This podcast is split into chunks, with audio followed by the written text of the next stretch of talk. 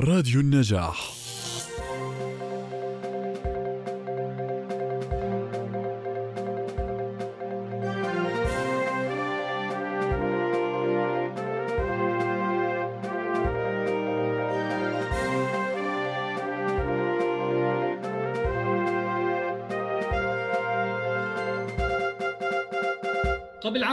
2011 حذر الواقعيون السياسيون من أن الديمقراطية لا يمكن إقامتها بسهولة في الدول الفقيرة النامية. وفي أطروحته Political Order in Changing Societies النظام السياسي في المجتمعات المتغيرة حاجج صامويل هانتيكتون بشكل مثير للجدل بأن النظام السياسي ضرورة للتنمية الاقتصادية والاجتماعية واستبعد الانسجام والبناء بين الإسلام والديمقراطية. بعد عام 2011 انطلقت الثورات والاحتجاجات في الدول العربية وكأن نبوءة فوكوياما تلميذ هنتنغتون قد بدأت تتحقق فيما أسماه نهاية التاريخ عندما تنتصر الديمقراطية أخيرا على منافسيها. ومع مرور الوقت لم تتحقق لم يتحقق شرط الانتقال الديمقراطي سوى في مصر وتونس حيث وصل إلى السلطة حركات الإسلام السياسي ونتيجة عوامل عديدة سرعان ما انتهت التجربة في مصر وفي تونس. لا تزال تصارع البقاء رغم ما يصفه المراقبون على أنه المرحلة الحالية على أن المرحلة الحالية هي بداية النهاية. لم ينتج عن الانتفاضات العربية مجرد تغييرات واضطرابات في السياسة الداخلية بل أدت أيضا إلى تغيير ميزان القوى الإقليمي في الشرق الأوسط من خلال معسكرين يمثلان مجموعة دول. الأولى مجموعة تدفع باتجاه التغيير والتحول الديمقراطي والثانية تدفع بمواجهة التغيير فيما يسمى الدول المعادية للثورة. تناقش الجلسة الختامية اليوم الإسلام السياسي وأفاق المستقبل أسئلة ومناهج وأولويات حقل دراسة الحركات الإسلامية والتحولات التي طرأت على هذا الحقل بالإضافة إلى المتغيرات والسياسات الدولية والإقليمية ومدى تأثيرها على الحركات الإسلامية. وتجاوب هذه الحركات مع المعطيات الجديدة إقليميا ودوليا وذلك من خلال ورقتين بحثيتين. الورقة الأولى بعنوان التغييرات الإقليمية والدولية وأثرها على سياسات الإسلاميين. يقدمها دكتور عمار فايد باحث دكتوراه في علوم السياسة والعلاقات الدولية في جامعة إسطنبول أيضا ساهم في إنجاز كتابين الأول الظاهرة السلفية في العالم العربي التعددية التنظيمية والسياسات مع مركز الجزيرة في الدوحة. الكتاب الثاني إعادة التفكير في الإسلام السياسي مع إكسفورد يونيفرسيتي بريس يكتب بصفة منتظمة لمراكز بحثية ومجموعات تفكير حول قضايا الشرق الأوسط خاصة دول الخليج صراع النفوذ الإقليمي السياسة الخارجية المصرية الحركة الإسلامية. الورقة الثانية بعنوان أسئلة المنهج والنظرية في دراسة الحركات الإسلامية ملاحظات أولية يقدمها دكتور خليل العناني وهو أستاذ العلوم السياسية والعلاقات الدولية المشارك بمعهد الدوحة للدراسات العليا والباحث في المركز العربي للأبحاث ودراسة السياسات بواشنطن. لديه العديد من الكتب والأبحاث المنشورة. صدر له مؤخرا كتاب الإسلاميون في مصر تحولات الفكر والممارسة وكتاب بعنوان داخل الإخوان المسلمين الدين والهوية والسياسة وكتاب مشترك بعنوان بعد الثورات العربية نظرية التحول الديمقراطي اللائق نود التذكير بأن هذه الجلسة تبث مباشرة عبر صفحة الفيسبوك لمعهد السياسة والمجتمع ومن أجل إغناء الحوار سيمنح لكل متحدث 15 دقيقة وستترك المساحة الأكبر للنقاش والحوار. أبدأ معك دكتور عمار فايد. ما مدى تأثير التغييرات الإقليمية والدولية على سياسات الإسلاميين؟ تفضل إليك الكلمة. شكرا جزيلا أخ عبد الله شكرا جزيلا لمعهد السياسة والمجتمع ومؤسسة فريتش أيبرت. وشكرا دكتور محمد أبو رمان وكافة الزملاء على على الدعوة. الحقيقة إن الورقة بتسعى بشكل موجز جدا للإجابة على سؤال عام وهو كيف كانت استجابة الحركات الإسلامية للتغيرات الإقليمية والدولية خلال السنوات القليلة. الماضية. الحقيقة الورقة لن تتطرق إلى تفصيل مواقف الحركات الإسلامية أو يعني تلقي الضوء على حالة واحدة حالة المغرب أو الجزائر أو تونس أو أو إلى آخر ذلك ولكن هي تحاول رسم إطار عام لما هو مشترك بين استجابة الإسلاميين بشكل عام. فهدف الورقة هو وضع تصور عام لكيف يفكر الإسلاميون في في التعاطي مع السياسة الإقليمية أو السياسة الدولية سواء كانوا طرف من الحكم أو كانوا في صف المعارضه أو حتى كانوا غير يعني معترف بهم كما هو الحال في في إخوان مصر حاليا. تبدأ الورقة بمحاوله إيجاز ما هي أبرز التغيرات الإقليمية والدولية خلال السنوات القليلة الماضية وهي تركز على بعض التغيرات التي يعني يعني تتصل بصورة ما بواقع الإسلاميين. أول تغير وهو صعود التغيرات اليمينية في الولايات المتحدة وفي أوروبا بالتزامن مع الاستهداف الإقليمي لحركات الإسلام السياسي. طبعا كان صعود ترامب إلى الرئاسة هو يعني ذروه نفوذ هذا التيار الذي لا يفرق بشكل حقيقي بين حركات الإسلام السياسي اللي هي الأحزاب اللي بتشارك في العملية الديمقراطية وبين مجمل التنظيمات الإسلامية التي يعني يتم تصنيفها كمنظمات إرهابية. حتى أن ترامب نفسه قال صراحة خلال استقباله للرئيس المصري أنه يعني وجه الخارجية الأمريكية لدراسه إمكانية تصنيف الإخوان كمنظمة إرهابية. لكن الحقيقة ده لا لم يقتصر على الولايات المتحدة هناك بشكل عام حالة من القلق وحالة من الشك نتيجة صعود تيارات يمينية سواء كان في النمسا أو كان في فرنسا أو حتى داخل ألمانيا وبالتالي بدأت بعض ال ال الإجراءات التي تحاول الحد من نشاط حتى الجمعيات المحلية الأوروبية التي تعتبر محسوبة على فكر جماعة الإخوان وده تزامن مع الضغوط السعودية والضغوط الإماراتية على بعض الأنظمة الأوروبية كي تراجع موقفها من جماعة الإخوان كما حدث في التحقيق البريطاني. وبالتالي الخلاصة أنه لم يعد من المسلم به أن حركات الإسلام السياسي هي حركات معتدلة من وجهة النظر الغربية كما كانت. أصبحت محل شك وأصبحت الفرضية التي تقول أنها كلها في بوتقة واحدة مع ما يصنف كإسلام راديكالي أصبحت هذه الفرضية الآن ليست بعيدة عن عن القرار الرسمي حتى لو لم تتجلى حاليا في إجراءات محددة حتى الآن. التغير الثاني هو اللي حضرتك أشرت ليه هو احتدام الصراع الإقليمي بين القوى الإقليمية ويعني سياسة المحاور اللي تشكلت في في أعقاب الربيع العربي ودون الخوض في التفاصيل لأنها كلها معروفة لكن ما يعنينا هنا أن مسألة الإسلام السياسي والأحزاب الإسلامية كانت حاضرة في قلب هذا الاستقطاب. بمعنى أن جزء من تصنيف المحاور الإقليمية تم على أساس أي أي الأنظمة التي تعتبر أن صعود الإسلاميين تهديد وأيها مستعدة للتعامل مع صعود الإسلاميين في بعض الأقطار العربية. وبالتالي تقاطع الموقف من الربيع العربي مع موقف القلق من الإسلاميين وبالتالي أصبح استهداف الربيع العربي أو أصبحت القوى الغير راغبه في إحداث أي تغيير معنية بالضرورة بالتصدي لصعود الإسلاميين ايا كان شكل هذا الصعود.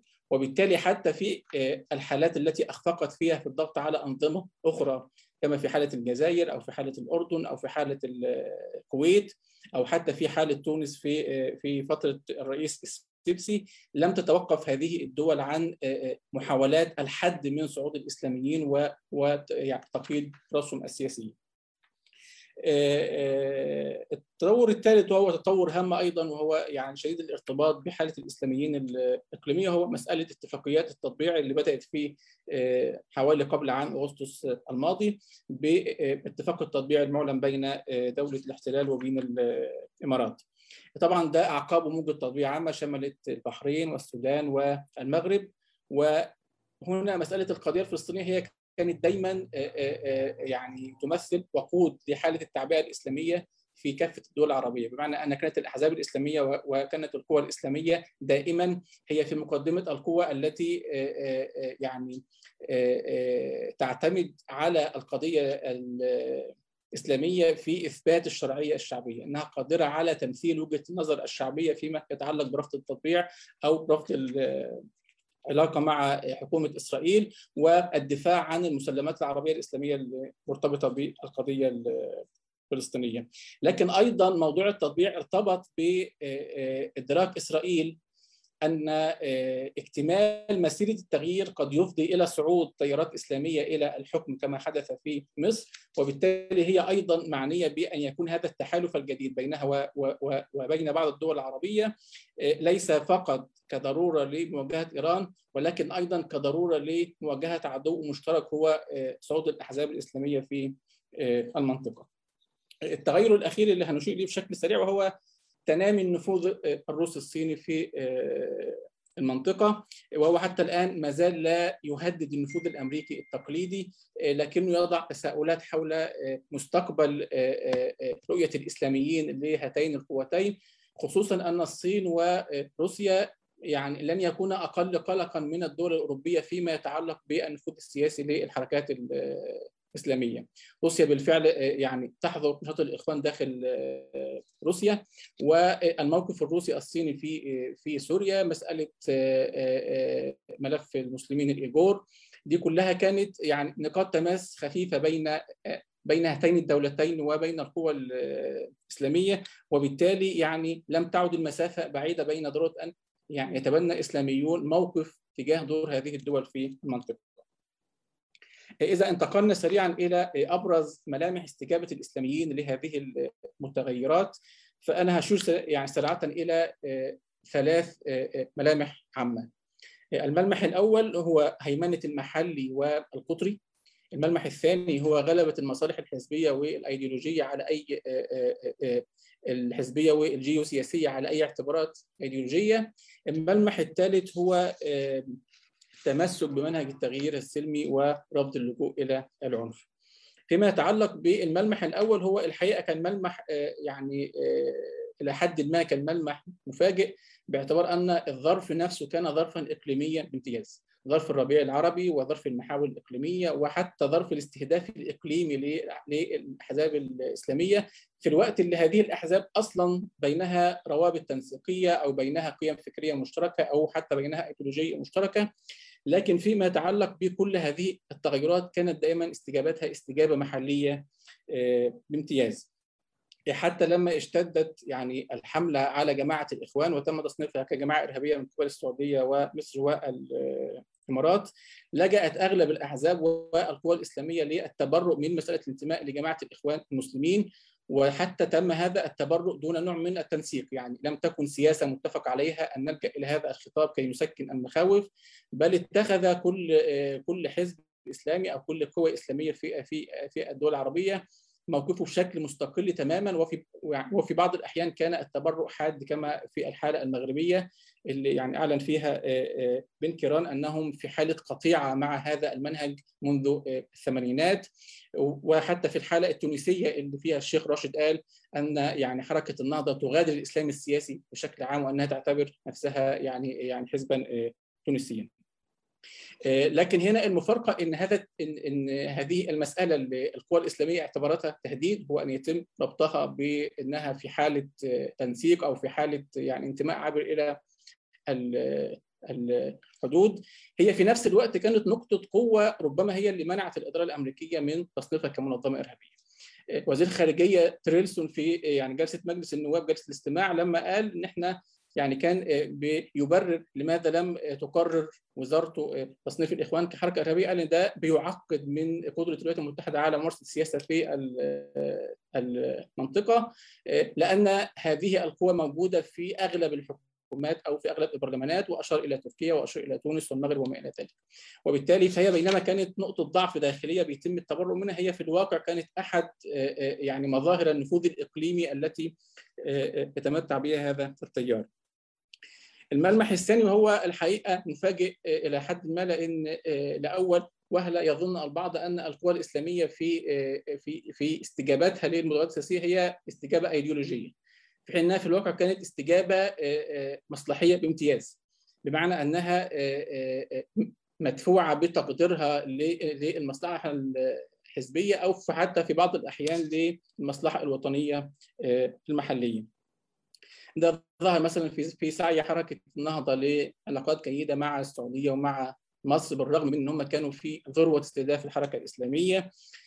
موقف أو موقف حماس الإقليمية اللي هي بتعبر في النهاية عن أولويات حركة حماس أكثر من أي أولويات إسلامية أو أولويات إيديولوجية بغض النظر عن عن تقييمنا هل هذه أولويات صحيحة أم لا. لكن هي في النهاية بتجري حساباتها بناء على حسابات السياسة والجيوبوليتيك بشكل أساسي. حتى فيما يتعلق بالمغرب والجزائر تماهت تماما سواء حركة حمسه أو حزب العدالة والتنميه تماهوا تماما مع مواقف الدول نفسها بمعنى إن هم تماه يعني معنى إن في الجزائر تماهوا تماما مع الموقف التقليدي للدولة الجزائرية فيما يتعلق بقضية الصحراء كما تماهى العدالة والتنمية مع موقف الدولة المغربية بشكل مطلق حتى في بعض الأحيان كانوا القوتين يعني يتبنوا خطاب حاد اتجاه بعضهم البعض ربما يعني إثبات أنهم أكثر ولاء للمصلحه المحلية أكثر من أي مصلحة أخرى. وهنا يعني ده بيذكرنا ب عن استنتاج الدكتوره هبة رؤوف قالته إن الدولة بتتحول إلى ثقب أسود يلتهم الأيديولوجيا والأخلاق. إحنا هنا مش بصدد التقييم الأخلاقي لهذه الخيارات بقدر ما بنحاول إن إحنا نقول أنهم اختاروا هذا. هل هذا كان صحيح أم لا؟ ده يعني تقييم آخر أو حكم آخر. طبعا الحالة اللي كانت ظاهرة جدا في هذه المسألة هي موقف العدالة والتنمية المغربي من اتفاقية التطبيع.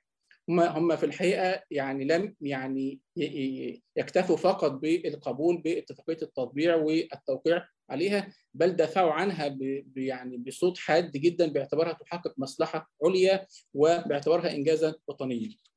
وهنا الحقيقة هم ساقوا مبررات لا تختلف تماما عن مبررات أي نظام عربي آخر قام بخطوه التطبيع بمعنى أنه أي نظام عربي منذ السادات كان دائما يتحدث عن المصلحة الوطنية وعن استعادة جزء من من الأرض كما في في حالة سيناء دون التفريط في القضية الفلسطينية هو تقريبا نفس خطاب العدالة والتنمية لكن هنا كان كان الحفاظ على الصحراء دون التفريط في في الالتزام تجاه القضية الفلسطينية.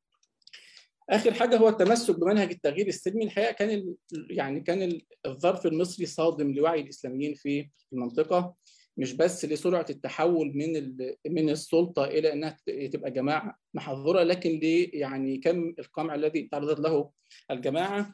وهنا الحقيقة أثار سؤال جدي تماما عن جدول الالتزام بنهج التغيير السلمي في ظل إن العملية الديمقراطية عملية هشة لا لا يمكن الدفاع عنها مقابل عنف الدولة. لكن لكن الحقيقة إن كان إن كان التقدير دايما هو يعني تقدير متعلق ب رؤية الإسلاميين نفسهم لعلاقتهم بالدولة والمجتمع بمعنى أن هذه قوى إسلامية هي في الأساس قوى اجتماعية وقوى دعوية عميقة الجذور داخل داخل المجتمعات العربية نفسها وبالتالي هي لا تتخيل نفسها في حالة مواجهة مسلحة لا مع الدولة ولا مع هذه المجتمعات. وده أمر تراكم يعني كثقافة داخلية وكواقع شبكات اجتماعية وشبكات تربوية وشبكات دعوية. هي في الحقيقة مرتبطة بشبكات المجتمع المدني نفسه داخل أغلب الدول الإسلامية. وبالتالي يعني تخيل أن يعني صدمة ما حدث في مصر كافيه كي تتخلى الحركة الإسلامية عن عن هذه الحالة يعني التجربة أثبتت إن هم دافعوا بشكل عام عن عن هذا يعني النهج التاريخي للحركة الإسلامية. وحدوث تغير من هذا النوع يعني بيتطلب تغيرات بنيوية وثقافية وتربويه جذرية داخل داخل القوى الإسلامية وهو في الحقيقة يعني لا يبدو أنه خيار مطروح حاليا. في الخاتمة خالص إذا حبينا نجمل استجابة الإسلاميين لهذه التغيرات الإقليمية والدولية. الحقيقة إن هم كانوا بشكل عام حكم استجابتهم بشكل عام نهج سياقي. بمعنى إن هم كانوا بيستجيبوا للسياق الخارجي أكثر من أي شيء آخر. وده وده الحقيقة جزء منه مرتبط بإن مشروع الإسلام السياسي منذ حسن البنا هو مشروع كما بيصفه بشير نافع مشروع غير ناجز بمعنى أنه لم ينطلق من خطة كاملة لم ينطلق من بلو برنت يسعى إلى التحقق في الواقع ولكن هو بيستجيب للتغيرات اللي, اللي, اللي في في المجتمع وهو ظاهرة بالغه الحساسية تجاه التحولات السياسية والإجتماعية. طبعا هذا خلال ال 100 سنة الماضية أعطى للحركة الإسلامية أو للإسلام السياسي مرونة عالية في في ممارسة السياسة لأنهم كانوا دائما قادرين على تبني خيارات وفق الواقع. كانوا دائما قادرين على الاستجابة لتغيرات الواقع ويعني ربما الموائمه معها كي يحافظوا على استمراريتهم. لكن ده كما إنه بيحمل ميزة سياسية هو في الحقيقة يعني يعني السنوات الأخيرة أثبتت إن هو بيحمل مخاطرة عالية لأن بشكل عام القوى الإسلامية لا يبدو أنها تمتلك تصور استراتيجي حول المنطقة ومستقبلها كما أن تقديرهم الجيوسياسي لصراعات المنطقة بيغلب عليه بشكل عام أدبيات المؤامرة أو المعرفة الانطباعية التي لا تستند إلى حقائق متماسكة. وبالتالي لما بيخضعوا لضغط الواقع هم لا يملكون أهداف استراتيجية صلبة بيسعون إلى تحقيقها طبعا مع بعض الاستثناءات ربما كما في حالة حركة حماس.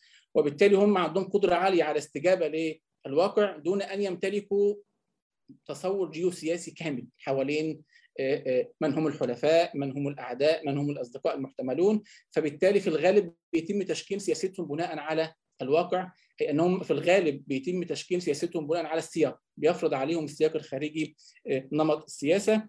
طبعا في عامل آخر بيحكم دكتور عمار بس أود التذكير إن بقي دقيقة بعد إذنك. أنا أنا أنا تبقى لي دقيقة بالضبط.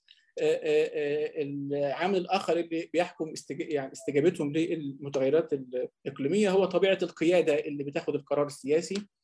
الحقيقة إن في غالبية الحركات الاسلام السياسي أو أو أحزاب الإسلام السياسي الجهة التي تبت في القرار السياسي الاستراتيجي هم في الغالب يعني قيادات الحركة التقليديين. اللي هم أكثر يعني خبراتهم مرتبطة ب يعني الدعوة أو التربية أو العمل الاجتماعي وفي الغالب ب يعني يفتقر قرار الحركه الاستراتيجي للمحترفون في ممارسة السياسة أو إلى الاستناد إلى أجهزة محترفة ل يعني تقديم تصورات حول السياسة. الاستنتاج الأخير إنه إذا كان في شيء إيجابي في كل ده بالنسبة للحركات الإسلامية أو للإسلام السياسي فهو إن الربيع العربي جعلهم في قلب يعني قلب التفاعل السياسي في المنطقة جعلهم جزء رئيسي من الصراع الجيوسياسي وبالتالي ده بيفتح الباب إن هم يعني يبقوا أكثر تطور في المستقبل ويعني أكثر قدرة على تطوير آليات ممارستهم السياسة وإلا هيبقوا غير قادرين على الاستمرار في هذا الصراع. شكرا جزيلا. شكرا شكرا دكتور عمار شكرا على التشخيص والاستنتاجات استثمارا للوقت أنتقل مباشرة مع الدكتور خليل العناني و السؤال مباشرة أسئلة المنهج والنظرية في دراسة الحركات الإسلامية ملاحظات أولية إليك الكلمة تفضل شكرا جزيلا أستاذ عبد الله والشكر موصول لمعهد السياسة المجتمع كل العاملين فيه على رأسهم الدكتور محمد أبو رمان ليس فقط على الدعوة الكريمة لكن أيضا على تنظيم هذه الورش المحترمة جدا وأتمنى أن تكون جزء من تقليد عربي جديد من أجل خلق مجتمع بحثي عربي مهتم بشكل بآخر بدراسه الحركات الإسلامية وأعتقد إنه ربما يكون أن الأوان لنا أن نكون يعني في هذا الإطار إنه لدينا قدرة على استكشاف هذه الظاهرة وبالتالي معرفة كيف كيفية مآلاتها يعني. أنا في الحقيقة يعني الورقة مع حضراتكم أنا هحاول أشارك مع حضراتكم مجموعة من الملاحظات أو التأملات خلينا نسميها يعني. لما محمد كلمني من حوالي أربع خمس شهور في الموضوع حوالين تنظيم بعض الورش العمل عن الإسلاميين فاتكلمنا في فكرة إن إحنا محتاجين ربما للتوقف قليلا وعاده النظر في أدواتنا البحثية والمنهجية في تناول هذه الظاهرة. واتفق معي في هذا الإطار و يعني ما أشاركه اليوم مع حضراتكم هي عبارة عن تأملات وعبارة عن ملاحظات ربما تأتي من خلال الدراسة شبه المكثفة أو المتواصلة لهذه الظاهرة على مدار 15 سنة اللي فاتت وأعتقد حضراتكم كاساتذه في هذا المجال ربما تشاركوني بعض هذه الملاحظات. والتأملات هي طبعا لحد بعيد ملاحظات غير مكتملة أو هي عبارة عن تأملات أولية تماما في حاجة للتطوير وفي حاجة للاشتباك معها من أجل تطويرها وبالتالي هي ليست على الإطلاق ادعاء للصواب أو ادعاء للحقيقة المطلقة أو محاوله اعتبار أنها يعني ملاحظات نهائية. الجزء المهم في ده إنه يعني الدافع الرئيسي لده إنه أنا على مدار آخر 10 سنين تقريبا عملت بعض المقابلات أو كثير من المقابلات مع الإسلاميين ما بين قوسين. اكتشفت إنه ربما إحنا كباحثين مهتمين بالحركة الإسلامية عندنا تصورات قد تكون غير واقعية أو محملة بمواقف مسبقة بشكل أو بآخر أو بانطباعات عامة أو محملة حتى ببعض المناهج البحثية اللي مستقاة من بيئات ومن ثقافات قد تكون نوعا ما مختلفة عن الواقع العربي. وبعض المسائل اللي لفتت نظري إنه كيف يعرف الاسلاميون أنفسهم. وهل إحنا لما نتكلم عن الإسلاميين بنقصد شيء واحد؟ يعني أعتقد لو إحنا لو سألت السؤال ده اللي عندنا كم واحد دلوقتي 14 واحد موجودين في هذه الغرفة المباركة كيف تعرف الإسلامي؟ سنجد حوالي 16 تعريف مختلف حسب تعريفاتنا المختلفة، حسب خلفياتنا، حسب انحيازاتنا، حسب تصوراتنا عن هذه الظاهرة. وبالتالي ده بياخد دخلني في الملاحظة الأولى بشكل مباشر إنه إحنا عندنا حالة من الفوضى المفاهيمية فيما يتعلق بمجال دراستنا. ونقطة البدء في أي دراسة هو المفهوم. المفهوم هو الذي يعطي القوة التفسيرية لأي محاولة لفهم ظاهرة ما.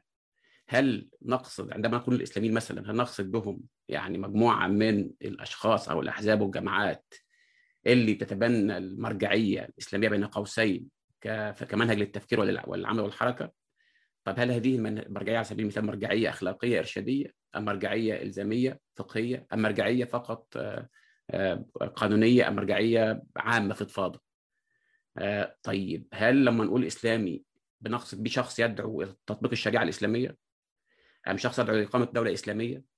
طيب إحنا عندنا حركات إسلامية لا تتبنى هذه المسألة على الإطلاق. يعني مثلا حركة النهضة في تونس لا تتبنى مسألة إقامة شريعة إسلامية كأحد مبادئها الرئيسية أو حتى جماعة الإخوان المسلمين. يعني في البلو برنت بتاعها مش هتلاقي حاجة عن إقامة شريعة إسلامية بشكل أو بآخر. الدولة الإسلامية نفسها مفهوم مختلف عليه بين الإسلاميين نفسهم. البعض يعيش في كلمه الدولة الوطنية ولا يسعى لتغييرها وكما قال الأستاذ عمار جزء من ده اكراهات الواقع. ف... فالمفهوم اللي بنستخدمه لوصف ظاهرة معينة هو في حد ذاته مفهوم إشكالي وعليه خلافات وعدم وجود تأطير واضح له من الناحية النظرية. ف... ف... فيصبح السؤال كيف يمكن دراسة الحركات الإسلامية انطلاقا من هذه الفوضى المفاهيمية؟ ف... ف...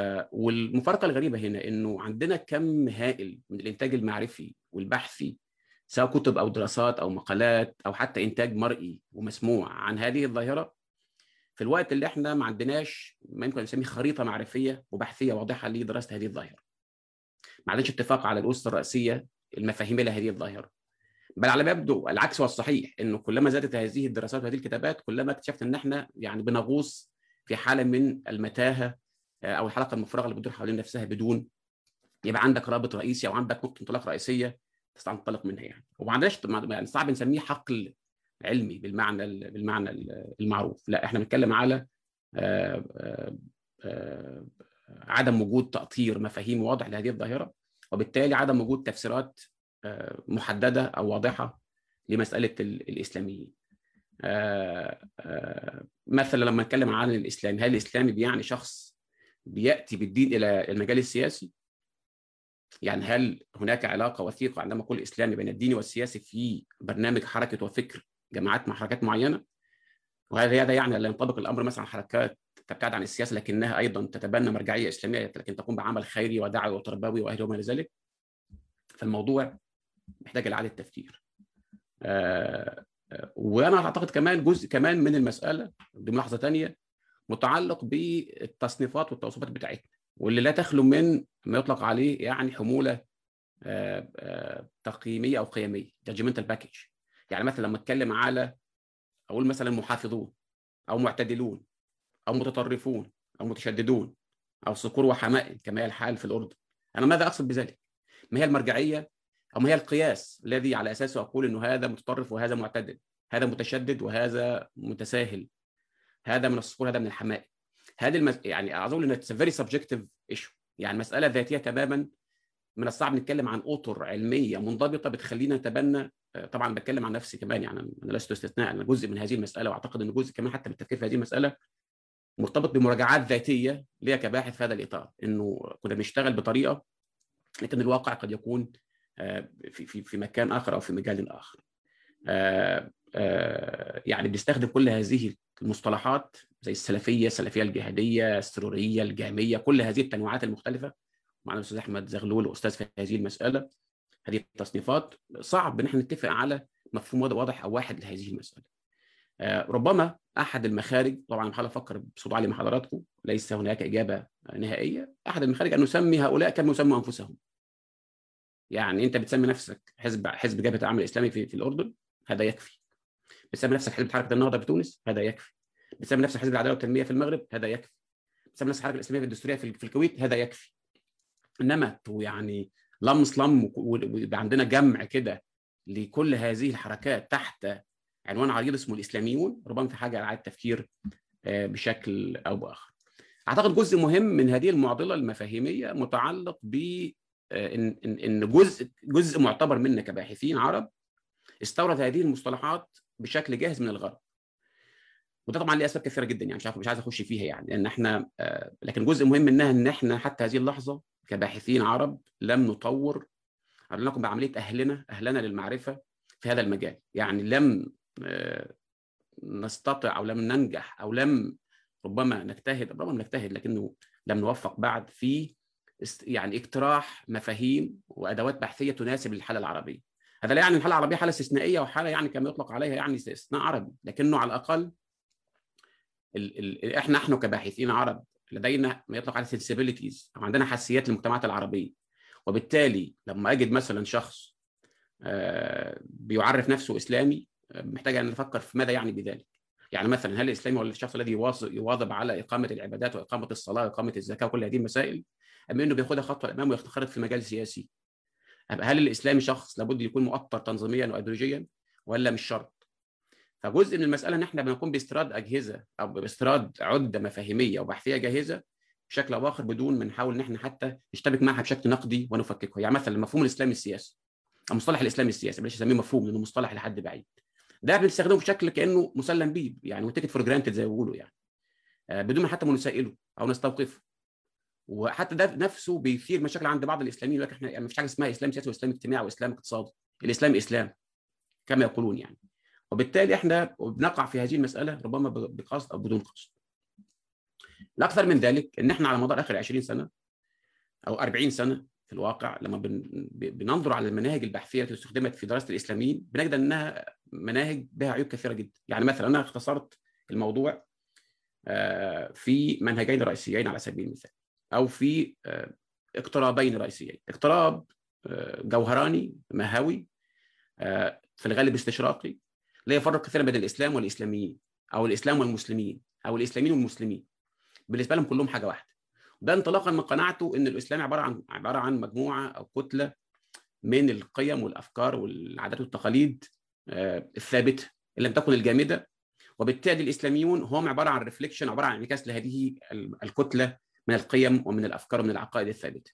وبالتالي منظور الإسلاميين هو منظور منطلق من منظوره هو أصلا للإسلام اللي هو بالتعريف حسب هؤلاء في عنده مشكلة مع الحداثة كل ما تفرع عنها من مفاهيم ديمقراطية تعدديه حقوقيه وما إلى ذلك.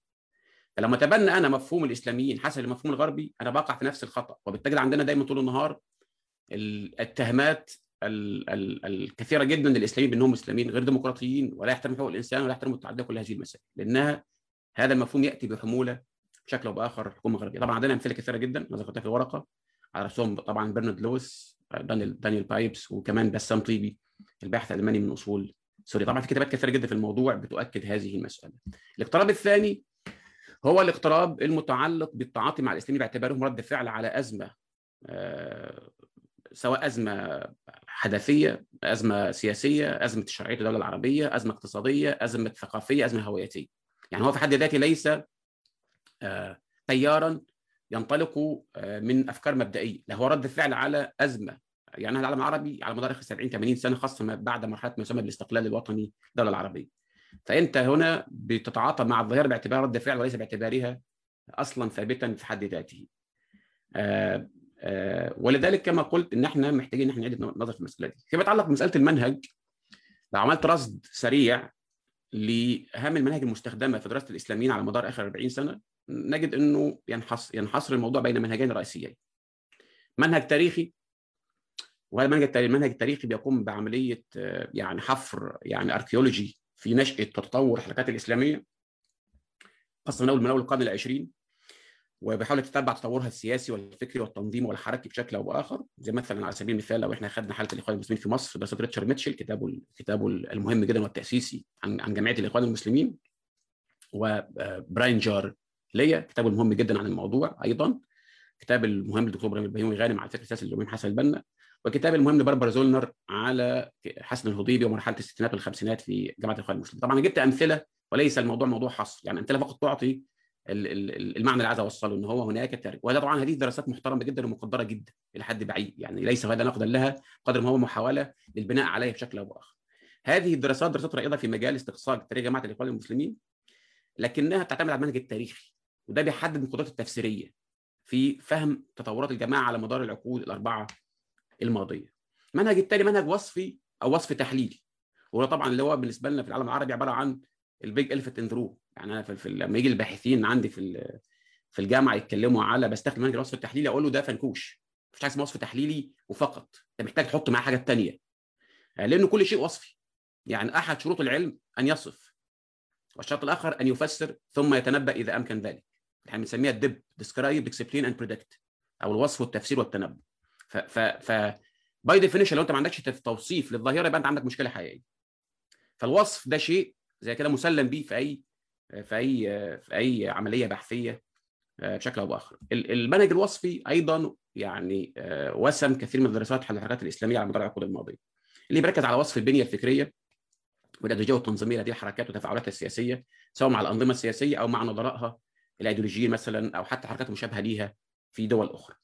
عندنا دراسات رائدة في هذا المجال جون اسبوزيتو على سبيل المثال كتابه عن الاسلام السياسي جيل كيبل لورا جوزانسكي كاري ويكهام هشام العوضي رؤول ماير وغيرهم دول دراسات محترمة جدا ولها إسهام جيد جدا لكنها أيضا لا تقدم تفسيرا متكاملا أو تفسيرا متماسكا للظاهرة الإسلامية بحيث يبقى مرجعية بحثية للمشتغل فيها على هذه الظاهرة. طبعا باستثناءات دراسات أو باستثناء دراسات كاري ويكم اللي جمعت فيها ادوات بحثية متنوعة ما بين التحليل الوصفي والتحليل التاريخي والتحليل النصي كمان ملاحظة تشاركية من خلال دراسات إثنوغرافية يعني معايشة للظاهرة الإسلامية. يعني راحت وقعدت مع المنتمين لهذه الحركات عاشت معاهم سنة أو أقل قليلا أكثر كثيرا من أجل فهم تفاعلاتها وفك منطقة من الداخل. أحد مشاكلنا في هذا المجال إن إحنا كباحثين بنحاول أن نؤول الظاهرة ما لم تقله. يعني أنا عندي انطباعات وعندي مواقف وعندي انحيازات بحاول قدر الإمكان أن أن أسقطها على الظاهرة وده بيخليني عندي مشكلة في فهم منطق الظاهرة وكناها الداخلي ومنطق تفاعلها الداخلي. طبعا إلا من رحم ربي. يعني في أكيد طبعا في استثناءات لكن بتكلم بشكل عام included myself في هذا الإطار.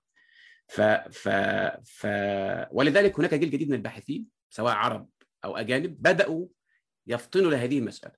وده موضوع لا يتجا... لا يتوقف فقط على الوصف أو على التاريخ. الموضوع محتاج اشتباك مع الظاهرة حسب منطقها هو. وعندنا دراسات أنا ذكرت بعضها زي ستيفن بروك وإيفا فيجنر فيجنر وجيروين جانينج وفيكتور ويل وعندنا طبعا من من العرب الراحل حسام تمام والدكتور أبو رمان والدكتور عمر عاشور والدكتور محمد مصباح أستاذ مبارك الجري والدكتور مصطفى منشاوي طبعا دي كلها أمثلة دكتور حسن أبو هنية أمثلة لكنها تعبر عن هناك نزوع الآن وتحول الآن. أنا شايف إن التحول في في, في الاتجاه السليم حول اقتراح أدوات بحثية جديدة تقترب من الظاهرة الإسلامية بشكل أو بآخر. تبتعد عن التصورات المسبقة عن هذه الظاهره من خلال معايشة لها من خلال مثلا مقابلات شخصية من خلال تعايش مع من خلال تواصل مستمر من خلال عملية أنسنة للظاهرة. لأنه كمان ده برضه نقطة مهمة جدا في عملية عدم الأنسنة إن إحنا في العالم العربي كباحثين جزء من ثقافة عربية جزء من مجتمع عربي جزء, جزء من البيئه السياسيه عربية تتأثر بحالة الاستقطاب المستشرية والمستعصية في العالم العربي. فأنت غصبا عنك إما إن أنت تاخد موقف دفاعي أو موقف آآ آآ رافض أو موقف مؤيد جدا وفي عندنا وقوع لحد بعيد في ال political correctness أو الصوابيه السياسية.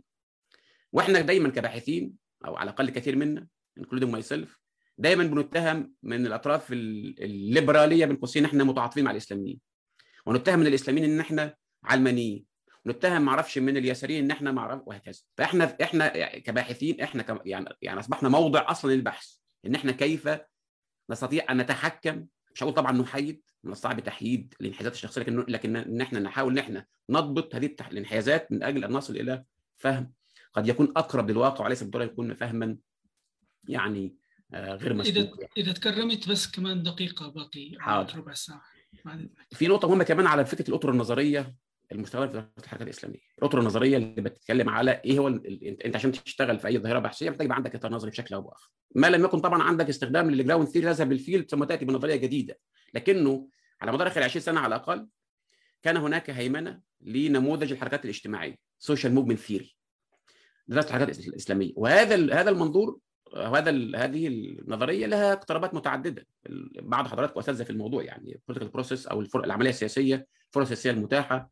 التأطير الثقافي cultural framing أو الهوية الجماعية اللي أنا استخدمته في دراستي عن الإخوان المسلمين. وهذه دراسات متميزة وممتازة لكنها لا تكفي على الإطلاق في دراسة الحركات الإسلامية. يعني من الصعب جدا أن أخضع الحركات الإسلامية لمنطق الحركات الاجتماعية ونقطة. ودي أحد الاشكاليات بالمناسبه إن لما رحت مثلا أعمل دكتوراه في بريطانيا احترت كيف أصنف الحركات الإسلامية. هل هي حركات اجتماعية؟ هل هي أحزاب دينية؟ أحزاب سياسية عفوا. هل هي حركات دينية؟ هل هي بيسموها قلط أو سكت هل طائفة دين؟ يعني في مشكلة حقيقية لأن الظاهرة نفسها معقدة جدا. ولذلك أنا لما في الآخر قلت قلت خلاص أنا هتبنى تعريف اللي هو يعني اللي سماه حسن اللي عرفه اللي حسن البنا للجماعة جماعة الإخوان المسلمين إنها دعوة سنية وطريقة سلفية كل هذه المسائل يعني هيئة سياسية وشركة اقتصادية كل هذه المسائل. طبعا ده تعريف إشكالي لأن بيقوم على فكرة one size fits all يعني إنه أنت كل كل حاجة في كل حاجة. وانت في النهايه طبعا عندك مشكلة في هذه في هذا التعريف اللي هو يعني الإشكالي. فهذه النظرية نظرية مهمة لكنها لا تكفي في رايي الشخصي في حاجة لدمج أو إدخال بعض الاقترابات مثلا على سبيل المثال وأنا يعني استخدم ده مؤخرا ال social psychology علم النفس الاجتماعي علم النفس السياسي. وهنا هنقلني لنقطة مهمة جدا حوالين التركيز بتاعنا في العمل البحثي على الجماعات على الحركات الإسلامية. إحنا دايما بنركز على المنظور الجماعي ال collective aspect ونهمل البعد الفردي على أهميته. ولما مثلا بنتكلم على استجابة كما تفضل الاستاذ عمار وقال استجابة الإسلاميين لظرف ما إقليمي أو داخلي بنركز على الاستجابة الجماعية أكثر من الاستجابة الفردية. محتاجين نبص على على الجزء الفردي في المسألة لأنه كمان وده هيتطلب مننا إن إحنا ندخل ندخل أدوات بحثية جديدة. يعني مثلا كيف أفسر على سبيل المثال نزوع بعض الأفراد داخل جماعة الإخوان المسلمين إلى التخلي عن مبدأ السلميه مثلا؟ هو السهل طبعا تقول ان الجماعة أصبحت جماعة عنيفة. ده سهل جدا وطبعا يعني نخوض مع الخائضين. الصعب أن أفهم لماذا يحدث هذا. هل أمر متعلق بتحول فكر ايديولوجي أشك في ذلك. أم متعلق بخبرات شخصية مظالم شخصية؟ يتعلق بال emotions بالعواطف بالمشاعر. إن حد مثلا أخوه اتقتل رابعة أو أمه اتسجنت أو صاحبه ما عرفش حصل له اختفاء قسري طبعا أنا بحاول أنا لا أبرر بحاول أفسر كيف يمكن لجماعة أو لأفراد جماعة تبنوا عفوا تربوا في محاضن تربوية على السلمية وعلى التغيير التدريجي وعلى الإصلاح وعلى البدء بالفرد المسلم ثم الأسرة المسلمة يحصل له تحول بشكل قد يكون سريع باتجاه خيارات أخرى مش فقط خيارات عنفية خيارات حتى إلحادية في بعض الأوقات. ده ده سبب إيه؟ المنهج أو الاقتراب الجماعي لا يفسر هذه المسألة. هبص من فوق مش من تحت. أنا محتاج أبص من تحت للظاهرة من تحت كأفراد باعتبار محت التحليل وليس من أعلى كما جرت العرف اجار العادة. أنا بعتذر عن الإطالة لكني لكن مثلا هختم ب بعض المسلمات اللي إحنا بناخدها كمسلمات وهي في حاجة حاجة لعادة عادة نظر وعادة تفكير في إطار ما نحاول القيام به الآن. مثلا في فرضيتين طغتا على التفكير في الحركات الإسلامية على مدار آخر 10 سنين على الأقل. الأولى إن هناك حالة تماسك تنظيمي قوية جدا في الحركات الإسلامية خاصة جماعة الإخوان المسلمين في مصر. وأن هذه الجماعة رغم كل اللي بيحصل معاها متماسكة بل بالعكس القمع في بعض الأوقات يؤدي للتماسك. وده كان أطروحتي في كتابي عن الإخوان المسلمين والان أتصور إن الوقت تجاوزها وأنا في حاجة لاعاده المراجعة لأن القمع في عهد مبارك غير القمع الآن. القمع المعتدل أو المتوسط قد يكون أحد أدوات أو صمغ ل لتماسك الجماعة. لكن القمع المفرط كما هي الحال الآن قد يؤدي إلى انشقاقات وانقسامات. فاحنا محتاجين نعيد النظر في هذه المسلمة مثلا. مثلا مسلمة مشهورة جدا اللي بيطلق الدمج والاعتدال أو اللي هي inclusion moderation thesis ودي طبعا أنا في حد في رأيي الشخصي أصلا إشكالية تماما. ليس فقط لأنه مفهوم الاعتدال نفسه مفهوم إشكالي ماذا تعني أن تكون معتدلا مثلا؟ هل تكون مثلا تطبع مع اسرائيل تكون معتدلا؟ هل تقبل مثلا بحقوق مثلا المثلية الجنسية ان تكون معتدلا؟ ما هي المرجعية الثقافية أو المعيارية لتقييم الاعتدال من عدمه؟ إشكالية كبيرة جدا. بس بالإضافة لذلك في افتراض لعلاقه سببية ميكانيكية إن لما يتم دمجك ستعتدل. في حين إن بعض الواقع بيقول لأ يعني مثلا بعض الحالات الاقصاء فيها ده الاعتدال يعني مثلا حركة النهضة في تونس لما تم اقصائها في التسعينات والألفية أو اول 10 سنين في الألفية اعتدلت بشكل أو بآخر. نفس الوضع مع قد يكون مع الإخوان المسلمين. فمش شرط يكون هناك علاقة سببيه ميكانيكية بين هذه المتغيرات بشكل أو بآخر. هختم بمسألة مهمة جدا أيضا مسألة دور النساء في الحركات الإسلامية. وهذه المساحة اندر يعني لم يلقى عليها الضوء بشكل كبير. لا سبب متعلقه متعلقة بالثقافة متعلقة بعدم وجود access لكن إحنا بنمارس كباحثين أيضا ظلم في هذا الإطار. يعني عندنا مشكلة أو مشكلة النساء في الحركات الإسلامية مشكلة مركبة إنها مهمشة داخل تنظيماتها بشكل أو بآخر. عفوا ونحن كباحثين أيضا ليس لدينا يعني تركيز على هذا البعد باستثناء طبعا قليلة في آخر كم سنة يعني. آخر شيء نحن في حاجة إلى انسنه وطبعنه الحركات الإسلامية. إحنا بعض الناس بتتعامل الحركات الإسلامية باعتبارها نموذج استثنائي أو شيء خارج عن السياق الطبيعي. محتاجين إن إحنا نعمل عملية طبعنه وانسنه هيومنايزيشن لهذه الظاهرة خاصة في ظل عملية التشويه والشيطان اللي بنسمعها وبنشوفها على مدار آخر 10 سنين وشكرا لحضراتكم اعتذر عن الاطاله شكرا شكرا جزيلا دكتور خليل العناني على كل هذا الطرح والأفكار. نفتح باب النقاش بشكل عام من خلال رفع اليد الكترونيا ما عدا الأستاذ هشام جعفر يحق له رفع اليد على الشاشة. أبدأ بس بعد عبد الحكيم أبو اللوز ومن ثم هبة رؤوف عزت ومن ثم الدكتور شفيق ومن ثم هشام جعفر. بعدين رح ناخذ جولة أخرى من من المداخلات. في دق... في حدود دقيقتين عبد الحكيم أبو اللوز تفضل. شكرا جزيلا. فقط اثارني حديث الأستاذ حول الإقليمية حول المحلية عن شيء كان واردا في البيان التأسيسي لحركة النهضة التونسية وهو التونسة. لما لما تحولت حركة الاتجاه الإسلامي حركة النهضة كان من في بيانها التاسيسي كان من المبادئ هو التونسة. فأرجو أنا أثير انتباه الباحث إلى هذه المسائل وأظن بأنه من العوامل التي تغير مجرى الحركة الإسلامية من من من الاقلمه إلى المحلية هو انغماسها في في الممارسة السياسية. فبقدر ما تنغمس الحركة الإسلامية في الممارسة السياسية الداخلية بقدر ما تنسى الهموم الإقليمية. هذا أيضا مؤشر والدليل بأنه الحركة الإسلامية في صف ما يصف في صف الممانعة ما زالت همومها الإقليمية والدولية حاضرة. بالنسبة للأستاذ خليل قلت أن المنهج الوصفي لا يقدم مرجعيه للباحثين المشتغلين ولكن ألا تعتقد بأنه ما زلنا في حاجة إلى المنهج الوصفي؟ على الأقل بالنسبة للحركة الإسلامية التي لا زلنا في بداية البحث فيها مثل الحركات السلفية الدعويه والجهادية. اذا هناك هناك هناك حاجة ماسة إلى إلى إلى المنهج الوصفي. جيل كابيل التي الذي الذي مثلت المنهج الوصفي هو هو حدث هو دخل في منهج وصفي وكذلك اطروحتنا في الحركة الإسلامية. كان ملزوما علينا أن نقدم وصفا إلى إلى جمهره الباحثين. الا ترى بأنه ليس المشكل في المنهج الوصفي ولكن انعدام التشبيك بين الباحثين العرب لكي يبنوا على بعضهم البعض. لأنه أنا قدمت وجه نفسي لأول مرة فأين هو الباحث الذي سيبني سيبني عليه؟ إلى درجة أنني أنني في بعض الأحيان لا أرى أي بناء على ما قدمته الوجه الوصفي فليس العيب في المنهج الوصفي ولكن العيب في في الباحثين الذين لا يدخلون في علاقة بعضهم البعض حتى نطور البحوث من من أصحاب المنهج الوصفي الذي كان لديهم السبق والجرأة إلى طرق بحوث لأول مرة إلى باحثين آخرين الذين يجب عليهم أن أن أن أن يركبوا أو أن يعتمدوا على هذا الوصف ليقترحوا مناهج تفسيرية وتحليلية. إذا أنا أنا في أنا في على مناصر دائما الوجه ولكن على الباحثين الباحثين القادمين أن يبنوا على ذاك الوصف ولا ولا والا يجتروا أوصاف أخرى لنفس الظاهرة. شكرا جزيلا. شكرا شكرا أستاذ عبد الحكيم شكرا لك.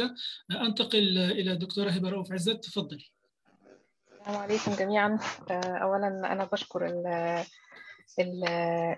الزملاء اللي عرضوا أفكارهم. دكتور خليل مبروك على الكتابين الجداد. يعني نتطلع شوقا إلى القراءة والاستفادة وربما العرض. وأشكر الدكتور عمار فايد أيضا على الإسهام. يعني أنا أنا في الحقيقة عندي عندي تعليق على الاثنين. يعني حاسة إنه عايزة أضيف يعني الاضافه للاثنين مش مش هخصص يعني. أنا أعتقد إن إحنا محتاجين زي ما الدكتور خليل قال رؤية أكثر تعقيدا يعني more complex approach. يعني وبالتالي أنا أعتقد إن المفتاح لو إحنا بنقول إنه في أبعاد نظرية ومنهجية فيها إشكال هو نظرية التعقيد. وهنضطر نبذل شوية مجهود لأنه أنا شخصيا يعني شايفة إن هي معقدة هي نفسها وما هياش نظرية سهلة بالذات في الحديث عن العلاقات الدولية الشغل اللي معمول فيها شغل تقيل جدا وصعب شوية على هواة النظريات وتحليل مفاهيم أمثالنا في بعض التعقيدات. لكن أنا أعتقد إنه مهم. وأنا أعتقد إنه غياب هذا التعقيد في رؤية الواقع هو اللي أدى إلى إن الحركات إلى إن الباحثين لا لا يدركون أبعاد الظاهرة وإن الإسلاميين ما فهموش العالم اللي هم عايشين فيه. وكان دايما لما نقول لهم إن أنتم محتاجين تجديد فكري ومحتاجين انتليجنسيا تفهمكم العالم كيف يسير وتكون عندها قدرة إنها تكون يعني قوية ومتينة في الفهم لتاريخ الإسلام وفهم لأصول الإسلام وكذا. يعني توزن ده ما عندناش انتليجنسيا وإنه حتى النظر إلى حسن البنا وسيد قطب باعتبارهم رافعات فكرية ده حركي لكن هو ما هواش في الحقيقة بيعكس يعني مفكرين بالمعنى الكبير. كان بيبقى فيه غضب شديد من الكلام وكأنه في انتقاص أو شيء. وفي الحقيقة لم يكن هذا يعني نيته على الإطلاق. فأنا أعتقد إنه عندنا مصفوفة عناصر. أنا أعتقد إنه إضافة لما قاله الدكتور خليل عناني البعد المتعلق بالآلة الأمنية والعسكرية بعد مهم جدا. لأنه لولا تحولات على المشهد العسكري العربي طبيعة الجيوش وتحولاتها وده شغل الدكتور خليل يعني خبير فيه بدرجة كبيرة.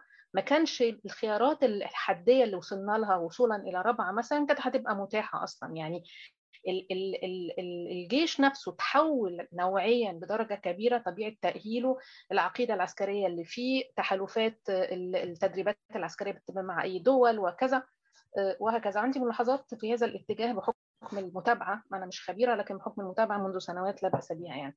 الأمر التاني وأيضا الآلة الداخلي داخليا يعني إزاي تم شرعنه أداء معين وصلنا لنقطة إن في ناس توافق على المشهد في رابعة يعني. الأمر الثاني هو زي ما حضرتك ذكرت المصفوفة العلاقات الدولية. يعني أذكر إن أنا في حوار مرة مع أحد القيادات في الإخوان قلت لهم أنتم متابعين مثلا أشياء بتحصل في روسيا مع وضع المسلمين في روسيا أو كذا يعني واضح إن ما كانوش متابعين على الإطلاق رغم إن كان ساعتها وأنا أذكر الحادثة بالتفصيل يعني كان ساعتها في أمر مهم ومفصلي جدا حصل. فقال لي لا مش هو إيه اللي بيحصل أو كذا؟ فأنا ذهلت في الحقيقة لأنه إذا أنت بتزعم إنك أنت حركة أم يعني أو بينظر إليك هكذا ما عندكش يعني حد بيتابع الأمور العسكرية والاستراتيجية اللي بتحصل في العالم فده شيء غريب جدا يعني. الأمر الثالث واللي هو نادرا ما بجد وأنا لاحظت إن في صلة أنا عاكفة على يعني كتابة أمر يعني شيء في هذا الموضوع هو المجال الديني بشكل عام في العالم العربي. ليس فقط الديني الإسلامي من حيث التدين الشعبي تحولات المزاج العام في الشارع الأجيال الجديدة وموقفها من الحركات اللي هي ما بقاش الخطاب الديني للحركات يعني يبيع عندها زي ما بنقول بالبلدي المصري يعني. كان في حاجة إلى تغيير الخطاب بدرجة كبيرة لكن كمان المجال الديني الغير إسلامي. وبالتالي المشهد الصهيوني الخطابات اللي بت بت بتخفي بشكل علماني المطامع الصهيونية خطاب السلام في في شباب كانوا اشتغلوا على ده عندنا في كلية الاقتصاد في جامعة القاهرة المشهد الديني المسيحي أثر التحالفات اللي تمت ما بين الكنائس وكثير من الأنظمة العربية في في مناطق النزاع والأثر الدولي لهذا كيف تم ده في السودان بيحصل مع السوريان بيحصل مع الأقباط يعني في خرائط ما حدش بيجي ناحيتها. ولما سألت بعض المتخصصين فيها أنتوا ليه مش بتكتبوا المستجدات؟ قالوا لي سنتهم بالطائفية. يعني أنت بتشوف فعل طائفي قدامك. بي بي بيدخلنا في محاصصة مرة أخرى اللي إحنا بنحاول نخرج منها في لبنان عشان نؤسس لمواطنة متساوية. والمتخصص في هذا المجال يقول إنه لا أنا لو اتكلمت هيتقال عليا بقى إن أنا بهاجم الاقليه وطائفي وكذا ده شيء غريب جدا. كأنه في زي ما حضرتك قلت إنه في ترندات مش بنختبرها. في كمان تابوهات في مجال البحث العلمي الناس مش بتفتح بقها فيها عشان ما يتقالش فالطرف الآخر يهاجمك إن أنت بتنتقص وكذا. فأنا أعتقد يعني أنا خلصت. يعني أعتقد إنه المصفوفات المختلفة للحقول المختلفة الحقل الديني الحقل العسكري الحقل الاستراتيجي التحالفات الدولية وأخيرا وليس اخرا حسابات بعض الدول. يعني أمريكا مش بتبطل إنها تصف أو مش عايزة تصف بعض الجامعات بإنها إرهابية لإنها محتاجة لها في مناطق مختلفة للنزاعات ومش عايزة تخسر ملف قدام ملف فبتعمل نوع من أنواع التعطيل أو أو الإمهال أو أو كذا. فبرضه ده يتم. يعني آخر نقطة أنا آسفة للإطالة إنه في الحقيقة إنه مش بس يا دكتور عمار الإخوان ما كانوش متابعين لأ الإخوان كانوا متحالفين مع قوى نيوليبرالية بشكل واضح في فترة في فترة 2011 2013 وأنا يؤسفني إن إن أنا أقول إن هم كان عندهم أمل إن هذه القوى في الآخر التي تنقذ مشروعهم عندما حدث الانقلاب. وعندي أدلة على هذا من خبرات شخصية ربما يأتي وقت يعني في زمن في زمن قادم الواحد يقدر يعني يتحدث في هذا الموضوع بقدر أعلى من الأريحية يعني. آملين إن تتحسن أوضاع عالمنا العربي كله. شكرا. شكرا شكرا دكتورة. عشان في أيادي كثير مرتفعة بدنا نعمل شوية كنترول يعني في في حدود ثلاثة دقائق لكل متحدث وراح ناخذ مداخلات والتعقيب سيكون في الآخر. ننتقل سريعا للدكتور شفيق ومن ثم الأستاذ هشام جعفر. شكرا جزيلا. شكرا للدكتورين واستفدنا جدا من تقديمهما. أنا راح أقدم بسرعة مداخلة عن الورقتين ولكن تكون مداخلة واحدة. وأبدأ بموضوع المنهج. بالنسبة لما تفضل به موضوع المقابلات. حقيقة أن من المفترض أن أي بحث يجب أن يقوم على مقابلات خاصة عندما نتحدث عن الإسلاميين. سواء كان الباحث عربيا أو غربيا. لأن الحالة الإسلامية بطبيعتها هي مختلفة حقيقه هي مختلفة. يعني ليست شيئا شائعا لأن الحركات الإسلامية كانت حركات سرية وحتى الدكتور خليل نفسه عندما كتب عن الإخوان من الداخل استعمل عنوان من الداخل. كان من الضروري أن نفهم من نفس الإخوان كيف يعرفون أنفسهم وكذلك حتى في علم الفرق عند المسلمين يقولون أن من العدل أن نعرف كل فرقة كما تعرف أن نصف كل فرقة كما تصف نفسها. فهذه مقدمة جدا مهمة وأنا أعتقد أن مراكز الدراسات التي لا تقوم بهذا الأمر هي قاصرة جدا وأن نتائجها من الممكن جدا التشكيك فيها. وهذا ما يجعلنا كثيرا أن نشكك من بعض الكتابات خاصة التي تأتي من مصادر غربية وتعد في المكاتب. أنا أبدأ من هذه النقطة لأدخل بموضوع تعريف الإسلاميين أن إشكالية تعريف الإسلاميين ثم تعريف الاعتدال وما إلى ذلك. أي موضوع في العادة أي منهج يجب أن يكون انعكاسا عن الموضوع نفسه، يعني أنا لما بيجي بدي أحكي عن الفقه في شيء اسمه أصول فقه والعكس صحيح. فيجب أن يكون بعض أدوات المنهج مستقاة من نفس الموضوع لفهم الظاهرة نفسها. يعني يمكن ربما أنا بعيد تعبير كلام الدكتور خليل لأوصل أن المناطق مثلا كان بيحكوا عن موضوع التعريف إنه التعريف يكون بثلاث إما بالحد أو يكون بال بالماهية أو الثمرة. فلو رحنا للحالة الإسلامية ما هي ماهيتها؟ الحركات الإسلامية أو ما يسمى الإسلام السياسي.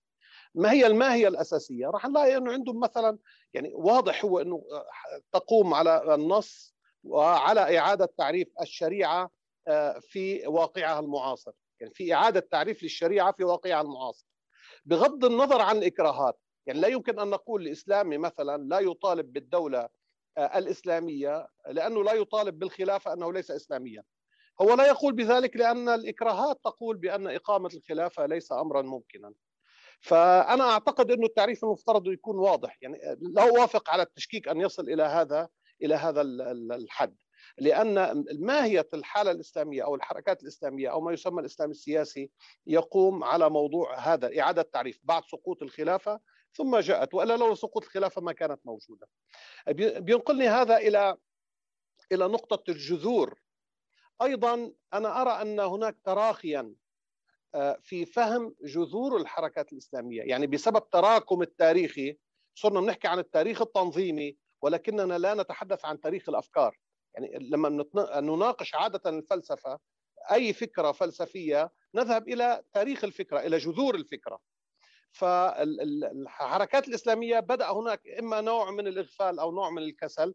أنا أعتقد يجب العودة في مناهجنا وفي طريقة بحثنا إلى جذور الأفكار نفسها. كيف نشأت هذه الأفكار؟ وإلى أين تريد؟ وهذا يساعدنا لمعرفة إلى أين تريد تريد أن تمضي. أنتقل للجزء الآخر الذي له علاقة بدمج الإسلاميين أو دمقرطه الإسلاميين اللي هو إنه الإسلاميين في الفترة مروا بمرحلتين أو علاقة الغرب معهم معهما مرت بمرحلتين مرحلة كان مطلوب إدخال الإسلاميين في الديمقراطية كي يصبحوا جزءا من من النظام الدولي ويصبحوا امرا مفهوما لأنه غالبا الغرب لما يستعمل كلمة الإرهاب كأنه يقول أن هذه الحركة عنيفة ولا أفهمها.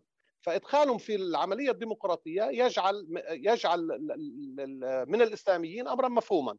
ما جرى إنه بعد ترامب وبدأت مرحلة الاستئصال سنجد أن هناك حالة من التناقض. بالمرحلة الأولى التي كان فيها كان فيها الإدارة الأمريكية وربما معه الغرب يعمل على دمقرطه الإسلاميين كان الدول العربية بالذات تشجع الناحية الدعوية في هذه الحركات. وجود هذه الناحية الدعوية يعني كان في نوع من من حالتين. حالة تقول لهم ادخلوا في الانتخابات واصبحوا جزء من من الدولة. وحالة أخرى كان في تمويل دائما للجانب الدعوي. لو رحنا ورأينا إنه الإسلاميين كان الموضوع الخيري والدعوي المشايخ و ودعم المشايخ حتى وإعطائهم جوائز وما إلى ذلك كان ناشطا جدا. كان في نوع من نوع من الفرملة ربما الخفية. بالمرحلة الثانية لما دخلنا موضوع الاستئصال أصبح الحالة العربية مناقضة تماما. بالطبع يعني حالة ترامب كانت استئصالية ولكن أصبحت مناقضة تماما لحالة الستينات. الآن لو أردنا نتحدث عن المرحلة الجديدة أنا أعتقد بعد طالبان وخروج الولايات المتحدة الأمريكية ربما من أفغانستان ربما نجد لها أن دلالة أن هناك نوع من المواءمة. ستبدأ هناك موائمه ما بين البحث عن المصالح. ربما سنجد أحيانا استئصالا واحيانا سنجد تفاهما. وهنا سندخل في فوضى الفوضى العملية البحثية. إلى أي حد سيكون هناك اي إلى أي حد هناك سيكون نوع من التسييس للعملية البحثية؟ إلى أي حد سيكون هناك حالة عادلة لفهم هذه الحالة؟ وهنا أيضا ترتبط باي إلى أي حد يهتم الغرب بالإسلام في داخله، الإسلام الآن أصبح في داخله بعد تجربة داعش وتجربه الذئاب المنفردة وما إلى ذلك وجدنا أن كيفية التعامل مع الإسلاميين في بلدانهم سيؤثر سلبا أو ايجابا على وجودهم في الغرب. فأنا أعتقد هنا ربما سيكون الأفضل والحل هو المعاملة العادلة والبحث فعلا الانطلاق من هذه المقدمة شكرا دكتور للحديث شفيق. عن مناهج جديدة شكرا, شكراً. جزيلا شكرا, شكراً لك. جزيلاً. أنا كريم معكم. أكرموني بالالتزام بالوقت. أستاذ هشام جعفر آه، تفضل في ثلاثة دقائق. حاضر. أرجو ان أنا يعني التزم آه، بالوقت. أنا عندي الحقيقة ثلاث ملاحظات بالنسبة للدكتور عمار وعدد من الملاحظات آه، آه، شبيهة الدكتور حبيب بالنسبة للدكتور عمار آه، ودي يمكن نقطة هبه أشارت إليها آه، هي حول إذا كان هناك شكل من أشكال الصراع الإقليمي. لكن ما هو آه، يعني هو كان صراع حول النفوذ حول السلطة حول إلى آخره.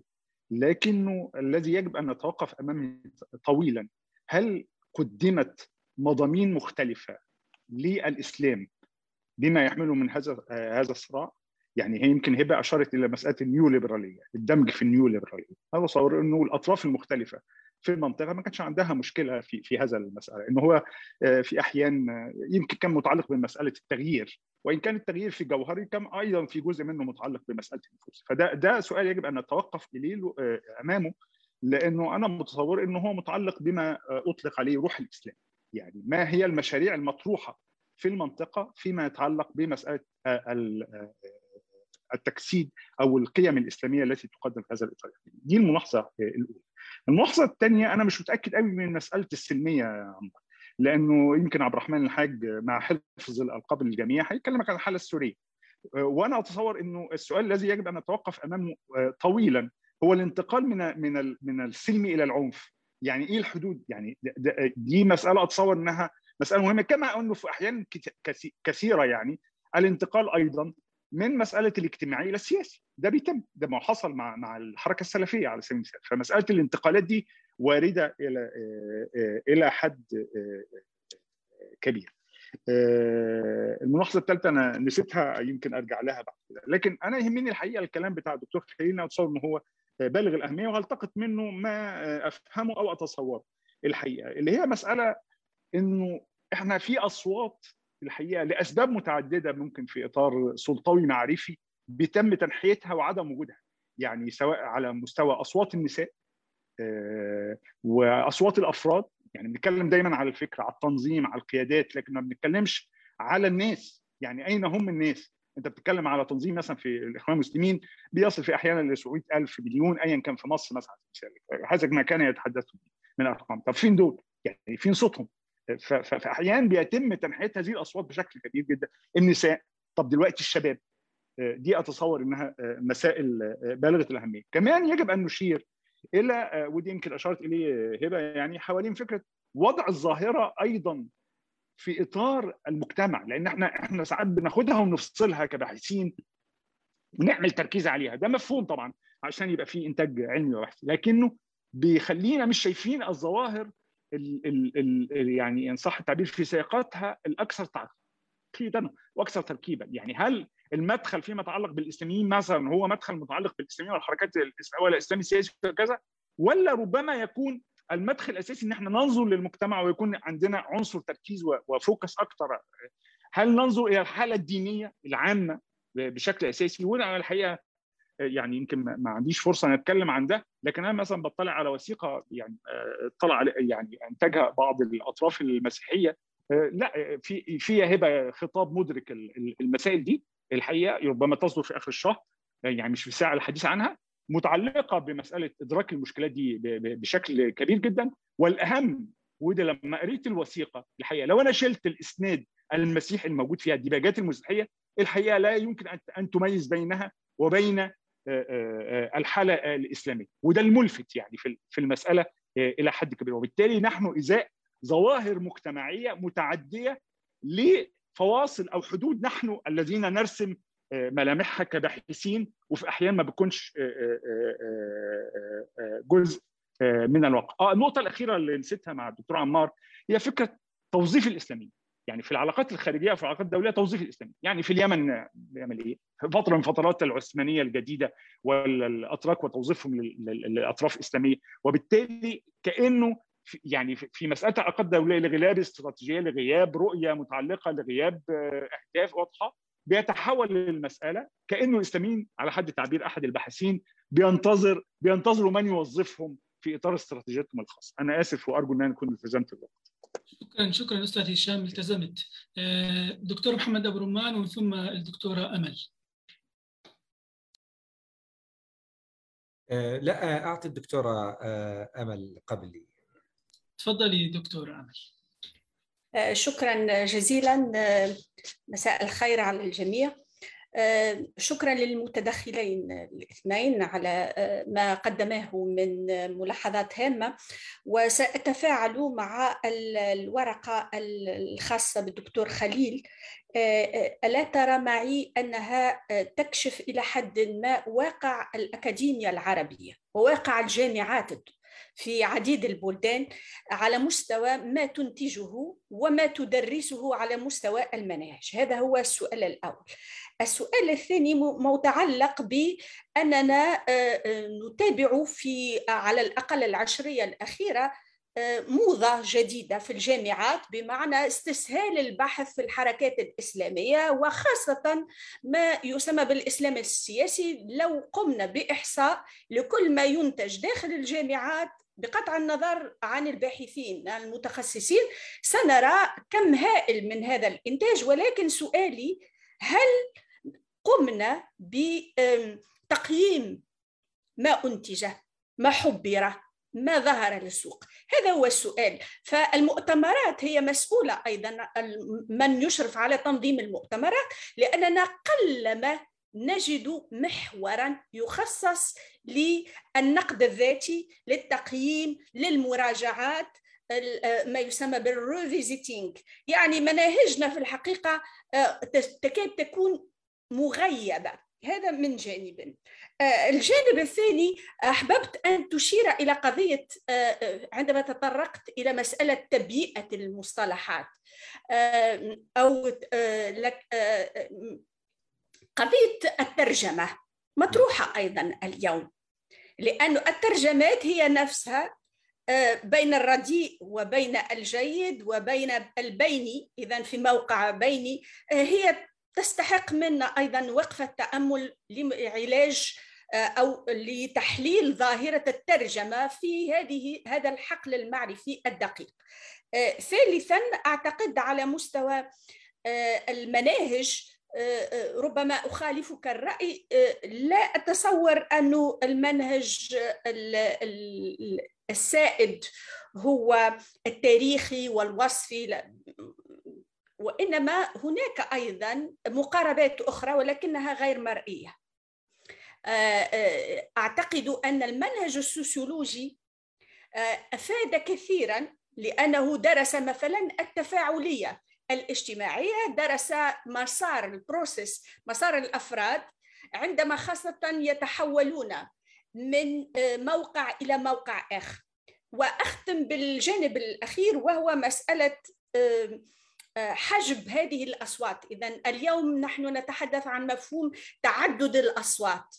أحيانا الحركة أو الحزب هو الذي يغبط حق البعض في الظهور وفي الحديث والظهور العلني للإعلام إلى غير ذلك فهو يتحكم في مشهد المرئية. ولذلك هناك أصوات يشجع على ظهورها وهناك أصوات أخرى إذا يحجبها. وهذا أتحدث من خلال خبرتي الشخصية عندما تطلب مقابلة من عدد من المسؤولين أو الشخصيات القيادية الحركة أو الحزب هو الذي يقترح عليك فقط اسمين للتداول معهما في الحوار في إجراء المحاضرات. يعني هو يتحكم في صورته وفي الأشخاص المؤهلين المؤهلين للاجابه عن الأسئلة كما يريد أن تظهر. اذا وهناك المسألة ليست رهن الباحث فقط وإنما عملية البحث هي أيضا تخضع لمناطق سلط متعددة ولسياقات ولترويج لصورة ما. أتوقف عند هذا الحد وإن كانت مسألة المشاعر هذه أفضل أن نستعمل دراسة الأهواء والأهواء هي من الثقافة العربية القديمة. لأن الأهواء فيها الغضب الفرح عندما تتابع مسيرة الإخوان مثلا هناك درجات في هذه الأهواء المعقدة التي صاحبتهم في حلهم وترحالهم. شكرا جزيلا. شكرا جزيلا. أنقل الكلمة للأستاذ أحمد زغلول. يليه غيث الإقضاء. يليه من يريد الحديث أو تريد الحديث رفع اليد إلكترونيا. تفضل أستاذ أحمد. شكرا لكل الأساتذة الحضور. شكرا عمار والدكتور خليل. أوراق ممتعة. أنا بس في متفق مع الدكتور خليل في فكرة فوضى الحقل البحثي. ده بيعد لعدة أسباب منها أزمة معرفية وده خاصة بالوطن العربي كله إحنا مستهلكين من المعرفة المعرفة في فنية بينه وبين التطور العلمي الموجود. في أزمة تانية في الترجمة باستخدامها وإعادة التكييف على المصطلحات على الواقع البحث اللي إحنا شغالين فيه. في جزء آخر مرتبط بالتنظيمات الإسلامية نفسها حريصة على تصدير صورة معينة ما ينفعش نتجاوزها السبيل لتجاوز هذه الصورة النمطية هي العمل الميداني وده ليه صعوبات كبيرة جدا جدا. منها التنظيمات نفسها بترفض أو بتتحفظ كثيرا على فكرة العمل الميداني. في تهديدات شخصية للباحثين قد يتعرضوا لها من فكرة كل واحد حسب الدولة والنظام الموجود في الفترة اللي هو بيشتغل فيها. في نقطة أخرى مرتبطة ب الباحث نفسه في بعض الباحثين نعرف يعني في اساتذه كبار ما بتقدرش تشتغل ميداني. والعمل الميداني محتاج سمات شخصية. مع جزء من تكوين علمي وتكوين معرفي أه مش أي حد يقدر عليه. وده الحل لتجاوز الكثير من الصور النمطية عن التنظيمات الدينية. الصور الموجوده الاغراق في الشكل التاريخي والوثائقي انجاز التعبير. وده مرتبط ده الاداه الامنه الأداة اللي بتخلي الواحد ممكن قاعد في المكتب وبيشتغل ما فيش عنده مشكلة في يكتب في الموضوعات ديت. ولكن عمليا انت بتطلع صورة غير دقيقة. فهم التنظيمات الإسلامية مرتبط بفهم القاعدة من اسفل وليس فقط من أعلى لأن في تحولات كثيره جدا على مدار أنا بقى 10 سنين في الملف. في العشر سنين اللي فاتوا في تغييرات كبيرة جدا على الأرض. الوثائق الرسمية للتنظيمات ما بتعلنش عنها. هي حريصة على عدم تجاوز الأنماط التاريخية اللي هي صدرتها ورقمت فيها إنتاج معرفي. في جزء آخر مرتبط بالسياق السياسي وإدارة النظم السياسية المختلفة للحالة الإسلامية. في جزء مرتبط بالعلاقات الدولية دائما أو في الغالب الإسلاميون مفعول به وليسوا فاعلين غير قادرين على تكوين موقف أو مشروع أو رؤية استراتيجية تتيح لهم. التجاوب مع المتغيرات الدولية وده مرتبطه بجزء منهم جزء ذاتي مرتبط بالبنية الفكرية والمعرفية الخاصة بهم الغالب عليهم أو يعني على القطاعات المتحكمة في سير التنظيمات الغالب عليها النصوصية. غارقين في التفاصيل النصية دون الاهتمام بالمجال العام والعلاقات الدولية وده أزمة كبيرة جدا. شايفينها هنا في مصر شايفينها في تونس واضحة جدا غياب التصور الاستراتيجي للتنظيمات الإسلامية. شكرا أستاذ أحمد أستاذ غيث الاقدار تفضل. شكرا جزيلا للجميع. حقيقة أنا لدي سؤالان، السؤال الأول للدكتور خليل.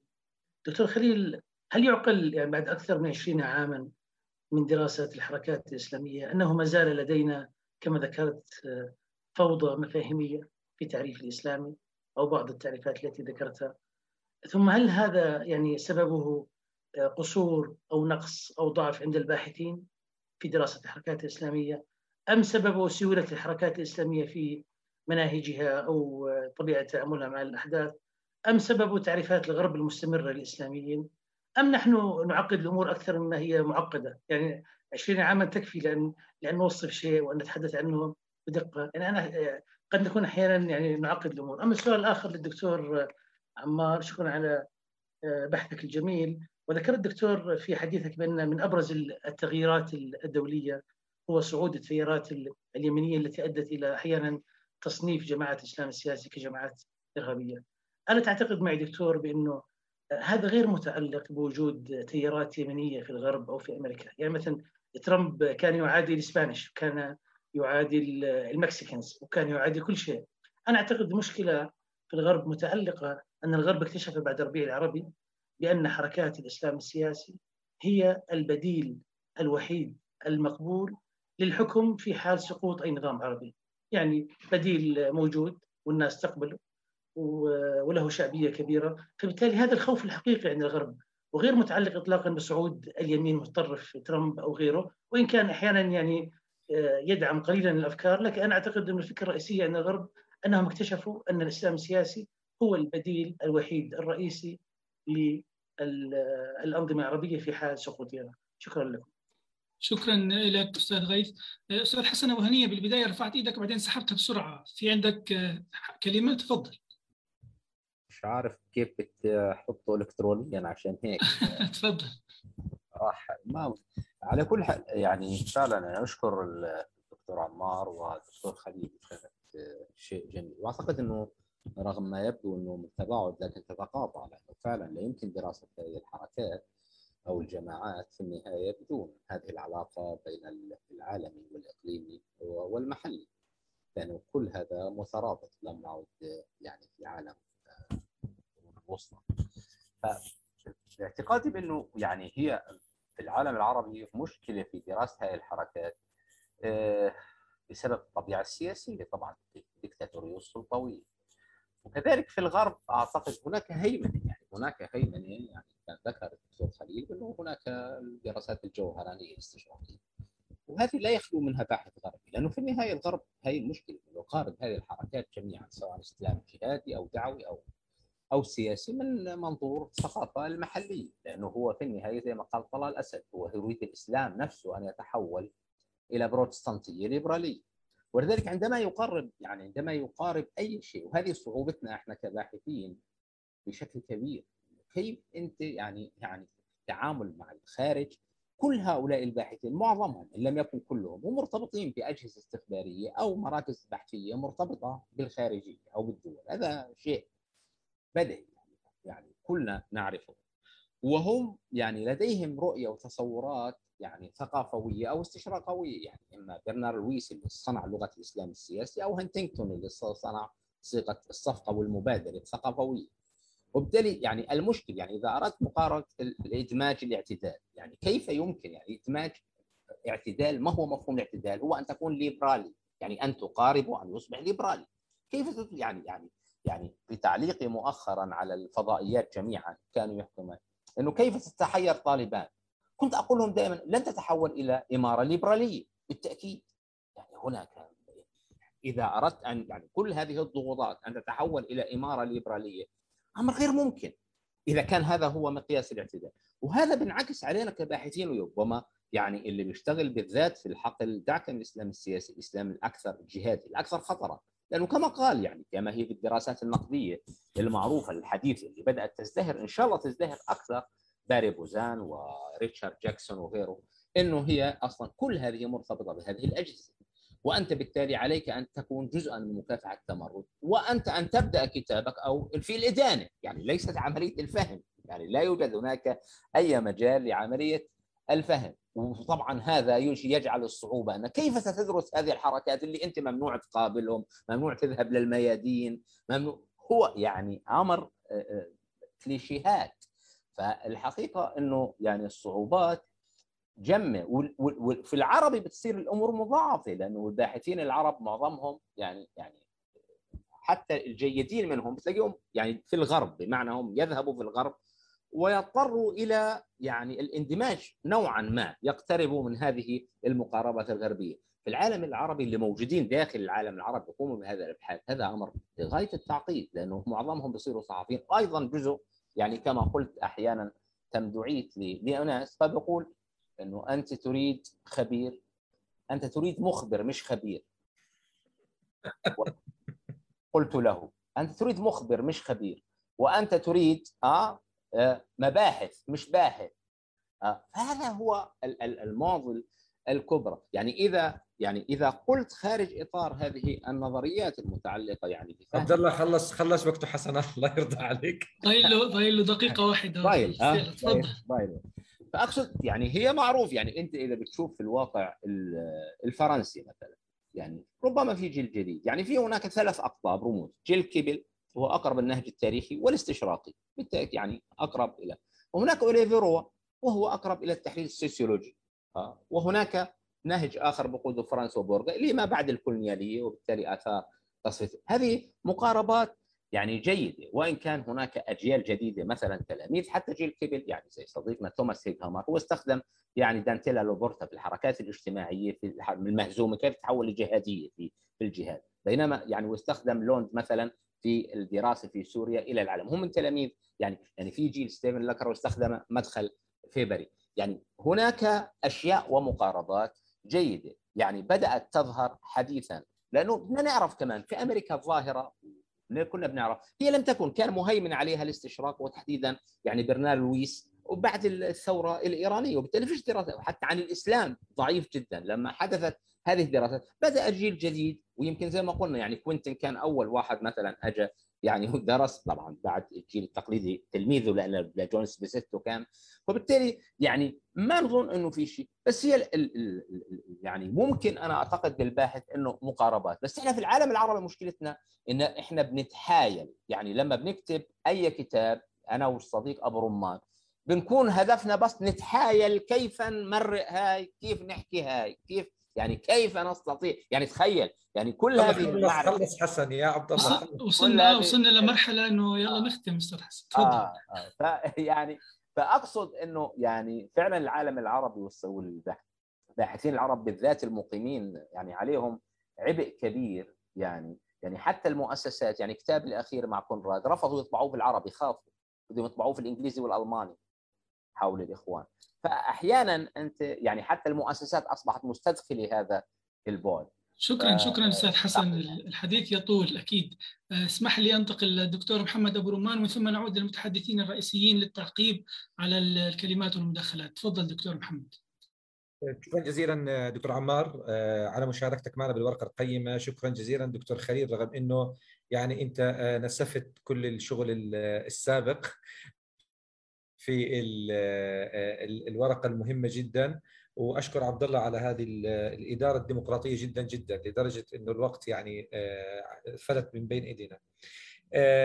أنا فقط هي راح أترك ورقه الدكتور عمار لأنه بحاجة إلى نقاش واسع كثير لكن في الحقيقة كونه في الجلسة النهائية وفي ملاحظات ختامية ومعي دقيقتين ف راح أركز شوية على الحكي المهم جدا اللي حكاه الدكتور خليل وأعتقد إنه مناسب لبدء يعني تصور جديد وطبعا مش فقط خليل اللي شاركوا جميعا ملاحظات الدكتورة هبة والدكتور هشام والدكتورة آمال والجميع. أنا بعتقد يعني فقط عندنا بدنا نعرف إنه إحنا واضح إنه عندنا أزمة باحثين وأزمة حقل وأزمة ظاهرة. ف أو سميها إشكالية حتى لا نقول يعني أزمة. هنالك إشكالية الباحث اللي طرحها حسن بشكل معمق في الفترة في في مداخلته وطرحها الدكتور خليل وطرحوها الاخرين هنالك إشكالية حقيقية لإنه كثير من الباحثين أنت بتتعامل مع ظاهرة هذه الظاهرة فيها متداخلة الأبعاد الأمنية مع السياسية مع الاستراتيجية ظاهرة متحركة وبالتالي عملية ال ال الانحياز وعملية الحياد أو الموضوعية أسئلة مهمة وعملية الأمن الشخصي اللي طرحها الدكتور أحمد شلاطة كمان قضية مهمة. يعني أنا إلى الآن من وراء كتاب أنا سلفي كل ما أروح أجلس في جلسة فيها مسؤولين وسياسيين بدخل أول شيء بحذف على المصحف إني أنا مش سلفي. فلأنه مش قادرين يميزوا ما بين البعد الأكاديمي والبعد الواقعي. كتاب أنا وحسن كتاب تنظيم الدولة ضلوا يحكوا عنا داعش فقط لأنه أنت حاولت أن تتناول الظاهرة من منظور موضوعي. الحمد لله آخر كتاب أسرار الطريق الصوفي نجانا شوي من المشكلة بس الله يستر من الكتب القادمة. لكن المهم في الموضوع إنه عندنا مشكلة كبيرة تقع على إشكالية الباحث. الباحث ليس في مأمن. باحث الحركات الإسلامية. وهنالك اولا مواقف أيديولوجية هنالك أجندات سياسية هنالك حالة يعني تجعل الباحثين حتى المؤيدين للحركات الإسلامية بري جادجمنت عندهم. يعني هو متعاطف مسبقا أو هو معادل مسبقا أو هو وبالتالي هذه أزمة. اللي طرحه الدكتور خليل أنا معه أنا بعتقد إحنا عندنا بعد 20 سنة من مثل ما قال من الدراسة والبحث في الحركة. إحنا كنا كباحثين في, في اعتقادي كباحثين في الحركات الاسلاميه مندمجين جدا في الجانب البحث العملي بدون ما إنه ندرس جيدا الأطر النظرية والمنهجية والأدوات وتحديد الحقل وتعريف الحقل اعتقد آن الأوان إنه يكون في جيل من الباحثين العرب تحديدا يقف عند هذه القضايا اللي طرحها الصديق العزيز دكتور خليل. يعني واللي طرحته الدكتورة هبة بده تفصيل. أنا فعلا أنا المنهج التاريخي ولا المنهج التحليل الخطاب ولا المنهج الأيديولوجي ولا ما يسمى المنهج الوصفي ولا حتى المنهج اللي طرحته الدكتورة أمل المنهج اللي إحنا رحنا أنا وحسن في الفترة الأخيرة باتجاه المنهج السوسيولوجي يعني في دراسة الحركات الاسلاميه أو علم النفس الاجتماعي في كتاب أنا سلفي والعديد من الكتب. لكن أنا وجهة نظري إنه بحاجة إحنا نساوي mapping للحقل البحثي ونعيد تعريف الحقل البحثي. بلا نقول حقل علمي نقول حقل بحثي على الأقل. وندرس المناهج ونحدد المداخل المنهجية، إذا نحن بحاجة اليوم في الحد الأدنى اليوم إلى العودة إلى revisiting في في نهاية ال revisiting نحن بحاجة اليوم إلى العودة إلى مقدمة كتابة كتاب مقدمة في دراسة الحركات الإسلامية. وهذا الكتاب يدخل في دراسة المفاهيم، المنهج، التعريفات، المستويات، الحقل، أنا أدعو والجهد الجماعي المقصود هنا وأنا أختم أنا آسف عبد الله أنا أطلت، الجهد الجماعي المقصود هنا ليس كل واحد يكتب فصل من الكتاب فقط، لا الجهد الجماعي حوار عميق في الأدوات البحثية والأدوات المنهجية وفي المناهج وفي المفاهيم وفي الإشكاليات وفي الصعوبات حتى نصل إلى كثير من الأمور اللي نستطيع من خلالها إحنا الوصول إلى تقديم. لأن أنا شفت بعض الجامعات وأنا شخصيا درست درست مساق الإسلام السياسي لبعض في في في بعض الكليات وشفت بعض الإخوان حتى في تركيا حتى بصراحة عندهم مساق الإسلام السياسي يدرس بتعرف الدكتورة هبه لا في في قصور شديد في بناء المنهجية في التعريف في المفاهيم في كل هذه الجوانب. أعتقد آن الأوان إنه إحنا تكون مساهمتنا كباحثين عرب مساهمة نظرية. بالإضافة إلى المساهمة منهجية نظرية بالإضافة إلى المساهمة الواقعية. أنا آسف عبد الله لكن أنا أشكركم جميعا على هذه الأوقاتكم على جهودكم وعلى كل ما قدمتموه لهذه الورشة وأعتقد يعني إنها كانت مفيدة جدا طبعا واستفدنا جميعا منها ومثل ما تحدثت السيدة رشا مديرة المعهد أتمنى انه تكون في ورشات قادمة وحوارات قادمة ونقاشات قادمة وهنالك العديد العديد من الملفات لكن على الأقل نشكل هذه المجموعة البحثية المعنية في حقل الحركات الإسلامية. شكرا جزيلا لكم. شكرا شكرا لك دكتور. لضيق الوقت سنمنح خمس دقائق لكل متحدث للرد على جميع هذه التساؤلات. نبدأ مع الدكتور عمار. تفضل. شكرا جزيلا وشكرا جزيلا لكل الأساتذة اللي يعني أضافوا محاور جديدة إلى الورقة ويعني ربما يعني نقعوا حتى بعض بعض الأفكار اللي كانت واردة فيها. أنا سريعا يعني هبدأ من عند الأستاذ هشام جعفر. وهو بيتكلم هل إن القوى الإسلامية قدمت رؤى مختلفة أو مضمون مختلف عن الصراع في المنطقة زي ما هو بيسميه عن الصراع على روح الإسلام. الحقيقة ان إن القوى الإسلامية وده جزء مرتبط بالملحوظه الثالثة اللي هو قالها اللي هي متعلقة بتوظيف الإسلاميين. افتقاد القوى الإسلامية وأنا هنا بتكلم تحديدا عن القوى الإسلامية المحسوبة على جماعة الإخوان هي أصلا موضوع الورقة. تفتقد إلى تقدير ما معنى الربيع العربي. الربيع العربي هو يعني نقطة فاصلة أن هذه المنطقة وصلت إلى حالة من عدم الإجماع غير قابلة ل يعني إنها إنه يتم ترقيعها يعني. بمعنى في حالة عدم إجماع ايديولوجي عام في المنطقة. كيف تحيا هذه الشعوب بالإسلام؟ ما هو موقع الشريعة؟ ما هو موقع الإسلام في الحياة العامة؟ ما هو موقع المجتمع مقابل الدولة؟ ده ده سؤال عام جدا. هو ارتبط أصلا بنشأة الحركة الإسلامية منذ حسن البنا وحتى ما قبل حسن البنا لكن القوى الإسلامية أغرقت في قضايا السياسة اليومية. وبالتالي بشكل عام جاءت جاءت استجابتها مرتبطة بالإجابة على تساؤلات اليوم. دون أي نظر إلى إلى إلى الأبعاد الاستراتيجية أو إلى المستقبل أو إلى جوهر السؤال أنا اشتغلت في الماجستير حوالي ثلاث سنين على سؤال واحد كيف يتخيل الإخوان المسلمون في مصر الدولة الإسلامية؟ الحقيقة إنه إنه إنه يعني تصل في النهاية أن ما قدموه على مستوى التنظير أو على مستوى الممارسة من خلال من خلال برنامج الحزب أو من خلال الدستور اللي هم يعني كانوا طرف رئيسي في تشكيله أنه لا فارق حقيقي بين يعني بين تصور الإخوان للدولة وموقعها من المجتمع ودور الفرد ودور المجتمع المدني وبين أي حزب آخر. وده بقى ينطبق على كل شيء. يعني هي ليست فقط مسألة إن هم كانوا يعني متحالفين مع توجهات نيو ليبرالية أو ما ذلك هي هو هو بشكل عام يفتقروا إلى تصور مفارق لما هو سائد عربيا على على المستوى السياسي. المعنى الآخر للربيع العربي اللي هم في غفلة عنه وهو أن هذه المنطقة في حالة تشرذم سياسي زي ما روبرت كابلان بيقول إن تاريخ الشرق الأوسط خلال المئة سنة الأخيرة هو يمكن تلخيصه في جملة واحدة أن الشرق الأوسط فشل في الإجابة على سؤال انهيار الإمبراطورية العثمانية. فنحن في منطقة جيوسياسيا مشتتة مشرذمة وبالتالي أيضا أيضا أيضا القوى الإسلامية ليس لديها تصور واضح لمستقبل المنطقة جيوسياسيا. هم لا ينظرون إلى تركيا كحليف أو كعدو لا يعرفون موقع إيران وبالتالي هم في حالة دائما حالة رد فعل وبالتالي قابلين للتوظيف. لا يوجد تصور واضح لما يجب أن تكون عليه المنطقة سياسيا وحول علاقاتها بالمجتمع الدولي وحول دور القوى الإقليمية كيف يجب أن يكون وبالتالي هم دائما في حالة رد فعل أو في حالة الإجابة على السياق. آخر حاجة خالص عشان الوقت موضوع السلمية. أنا ركزت بشكل أساسي على موقف القوى الإسلامية بمعنى موقف التنظيمات موقف الأحزاب. إذا نزلنا إلى وحدة تحليل أخرى زي ما الدكتور خليل قال وحدة الفرد نفسه وخياراته الخاصة بالتأكيد سنجد شيء آخر تماما.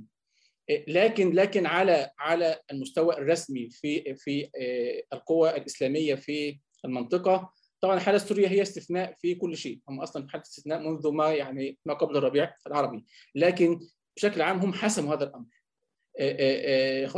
موقف الإخوان في مصر طبعا موقف الرسم موقف الجماعة موقف التنظيم كان حاسما في هذا الامر رغم إن في خيارات أخرى في في يعني في أفراد اتجهوا إلى إلى حسم أو إلى لواء الثورة أو حتى إلى تنظيم داعش لكن لكن في النهاية التيار الرئيسي التيار الرئيسي غير غير قادر على تخيل نفسه في هذه المساحة. هم بحكم التعريف تنظيم مدني تنظيم اجتماعي تربوي وبالتالي إجراء هذا التحول يحتاج إلى إلى يعني إلى قيادة قادرة على على هذا النوع من التحول وده شيء غير موجود. دقيقة واحدة تبقى لديك دقيقة واحدة سؤال الأستاذ غيث. يعني الحقيقة يعني ممكن أختلف جزئيا ان ان إن الغرب اكتشف إن الإسلاميين هم هم البديل الوحيد وبالتالي هو غير قادر أو هو غير راغب في التعامل معهم. أنا أزعم أن هذا لا ينطبق على الحالة المصرية مثلا. الحالة المصرية كان الغرب منفتح على الحالة وكان مستعد للتعامل مع الدكتور محمد مرسي رحمة الله عليه وكان يعني متقبلا فكرة إن الإخوان أصبحوا طرف رئيسي في العملية السياسية ولكن هو يعني القوى الإقليمية نفسها هي اللي يعني غيرت هذا التوازن. صعود التيارات اليمنيه هو يعني ليس فقط فترة ترامب. ده شيء تاريخي في بريطانيا أيام ما كانوا هم قوة الاحتلال في الشرق الأوسط وبعد كده الولايات المتحدة في حالة جدل. هل الإخوان المسلمون هم طرف إسلامي يمكن التعامل معه أم أن هم أعداء للحضارة الغربية وبالتالي يعني يعني يجب إقامهم أو يجب إقصائهم. دي عملية دايما بتبقى في حالة مد وجزر يعني وده تيارات أكاديمية وناس بتكتب وناس في الإدارة لكن لم تكن في حالة إن رئيس الولايات المتحدة ووزير الخارجية وقاده السي آي اي هم هم كلهم فجأة من هذا التيار، التيار الذي يعني ينظر إلى الاسلام السياسي كله أو إلى الحركات الإسلامية كلها كحركات راديكالية يجب إقصائها بالتزامن مع ان بقى في إجراءات فعلية يعني النمسا بالفعل يعني يعني حضرت جماعة الإخوان المسلمين. ألمانيا بالفعل حضرت رموز أو شعارات جماعة الإخوان المسلمين. فهناك إجراءات نتيجة الضغوط الداخلية من الحركات اليمينية ونتيجة ضغوط إقليمية من دول إقليمية لها نفوذ في هذه الحكومات الغربية بتحاول إنها تقول لها إن الإخوان دول إرهابيين أو ان هذا الحزب يعني متطرفون إلى ذلك. شكرا شكرا. دكتور عمار. دكتور خليل إليك الكلمة. شكرا أستاذ عبد الله. وأنا يعني طمعان في ساعة صدرك. أنا عندي ثمان متدخلين ومتدخلات. لو اديت لكل واحد فيهم دقيقة محتاج على الأقل ثمان دقائق رغم بعضهم طبعا أثار أكثر من نقطة يعني. فأتمنى إن يعني توافق الأستاذة رشا والدكتورة الدكتورة أبو رمان على مساحة يعني أطول قليلا من المساحة الخمس دقائق يعني بعد إذن سأعطيك من وقتي تفضل. يا سلام إيه الكرم الحاتمي ده؟ شكرا جزيلا أستاذ عبد الله. اولا بشكر كل الزملاء والزميلات على المداخلات القيمة جدا واللي هي ده بصراحة الهدف الرئيسي من هذا النقاش هو أن نفكر سويا كمجتمع من الباحثين العرب مختص أو مهتم بهذه الظاهرة. طبعا أنا يعني همر سريعا على بعض التعليقات المهمة جدا اللي تفضلت بيها وأبدأ بالأستاذ عبد الحكيم باللوز ملاحظاته المهمة. وأنا متفق مع حضرتك إنه المنهج الوصفي مهم لكنه كما يقال كده شرط مهم لكنه لا يكفي. يعني محتاج إن إحنا نكمل عليه بشكل أو بآخر أو محتاجين على الأقل أشكال للموضوع. الوصف هو الحد الأدنى لأي عمل بحثي لكنه المهم هو أن يتم الانتقال إلى مسألة التفسير. يعني مثلا سهل جدا أصف جماعة إنها جماعة محافظة أو جماعة معتدلة. طبعا إذا اتفقنا على ما نعني بالمحافظية أو الاعتدال إذا تجاوزنا ذلك يعني. أو مثلا جماعة متطرفة أو متشددة. ده الوصف. لكن التحدي كيف نفسر أسباب هذا هذا هذه المحافظية أو هذا الاعتدال أو هذا التشدد أو هذا التطرف؟ يعني هي دي فكرة إنه إحنا ننتقل من المستوى الوصفي للمستوى للمستوى التفسيري والتحليلي ربما التنبؤ يعني. طبعا ده صعب بشكل عام في العلوم الاجتماعية والإنسانية. وأنا متفق مع حضرتك إحنا محتاجين نخلق مجتمعنا الباحثين اللي هو يبني على الجزء الوصفي يعني الجزء الوصفي مهم باعتباره أول خطوة لكنه لا يكفي محتاجين يبقى عندنا يعني اشتغال آخر من قبل المجتمع الباحثين خاصة في العالم العربي حول هذه المسألة. دكتور هبة رؤوف كالعادة ملاحظات قيمة جدا وهي طبعا تفضلت بفكرة نظرية التعقيل وإن فعلا يعني هي في حد ذاتها نظرية يعني محتاجة لوحدها تفكيك وفهم بشكل أو بآخر لكن أنا بتفق معاها على نقطة مهمة جدا واشار لها الاستاذ هشام جعفر فكرة إن إحنا تبيئة الحالات الإسلامية في واقعها الاجتماعي والثقافي والحضاري بالأساس. يعني الجزء السياسي مهم لكن أنا بلاحظ كمان إحنا كباحثين مستنزفين في البعد السياسي لهذه الحركات.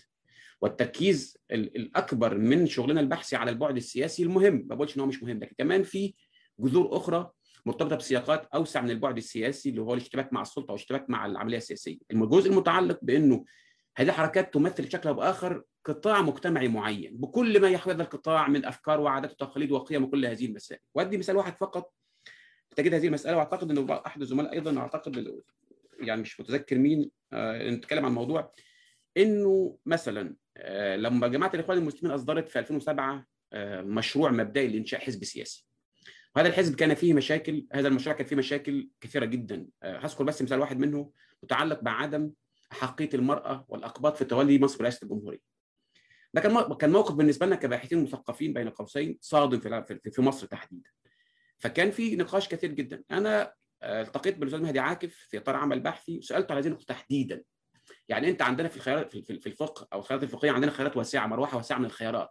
لا تشترط بالضرورة أن يكون هناك يعني يكون شخص مسلم كي يكون رئيسا. لأن مش بنتكلم على ولاية عامة كما سماه المستشار بنتكلم على ولاية صغرى أو ولاية دولة وليس الخلافة الإسلامية وبالتالي هناك شرط أن يكون المتولي شرط الذكورة أو شرط أن يكون غير مسلم يعني.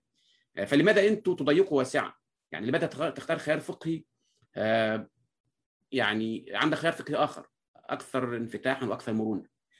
فقال الدكتور خليل لو أنا أخذت الخيار الفقهي ده عندي مشكلتين. المشكلة الاوليه إن قواعد الجماعة قواعد محافظة. هيبقى في مشكلة حقيقية داخل الجماعة. الحاجة الثانية المجتمع المصري مجتمع محافظ. لو أنا تخيلت مثلا رشحنا مثلا امرأة للسلطة هل تعتقد إنها ستكسب الانتخابات؟ في ظل مجتمع محافظ جدا لديه نظرة معينه للمرأة. طبعا رد ذكي وواقعي لكنه كمان رد بالنسبة لي إشكالي. لماذا؟ لأن حركه حركة الاخوان المسلمين تدعي إنها حركة طليعية. فانيجارد موفمنت تعني إنها تقود المجتمع باتجاه التغيير. أنت هنا لا تقود المجتمع أنت تختبئ خلف المجتمع. تحت حجة أنه مجتمع محافظ. طبعا في النهاية ده موقفي كباحث لكن هو موقفه كواحد بيقود حركة مئات الآلاف قد يكون موقف متفاهم في إطار واقع مجتمعي مجتمعي معين. أخونا شفيق بيتكلم على إنه طبعا ده سؤال, سؤال كمان للأستاذ غيث القضاء هل إحنا بعد 20 سنة ما وصلناش لتعريف آه طبعا للأسف الشديد ما وصلناش مش هنوصل لأنه دي ظاهرة متحركة جدا ظاهرة بتخضع لتقييمات ذاتية جدا والدكتور أبو رمان تكلم على مسألة التاثير الغربي علينا كباحثين في والدكتور طبعا حسن ابو حوالين إن إحنا بنستحضر أوقات بعض الأوقات مفاهيم قد تكون غير مناسبة للحالة الإسلامية. فاحنا محتاجين يبقى عندنا شك. أنا شايف إن الشك هو أنا شك أنا أنا موجود. الشك في المسألة قد يؤدي إلى نوع من اليقين ونوع من المعرفة على الأقل معرفة على أساس على أساس صلب وليس فقط مجرد معرفة هشة يعني ممكن إنها تسقط مع أي تحولات فكرية أو ما إلى ذلك. وبالتالي بتفق جدا على فكرة تاريخ الأفكار. إنه أنا عشان اتتبع مسار حركة سياسية معينة لا أكتفي فقط بالنظر للسلوك السياسي لكن الفكرة نفسها جت من فين؟ فكرة الخلافة الإسلامية جت من فين؟ هل الخلافة الإسلامية كما يقول حسن شعيرة إسلامية؟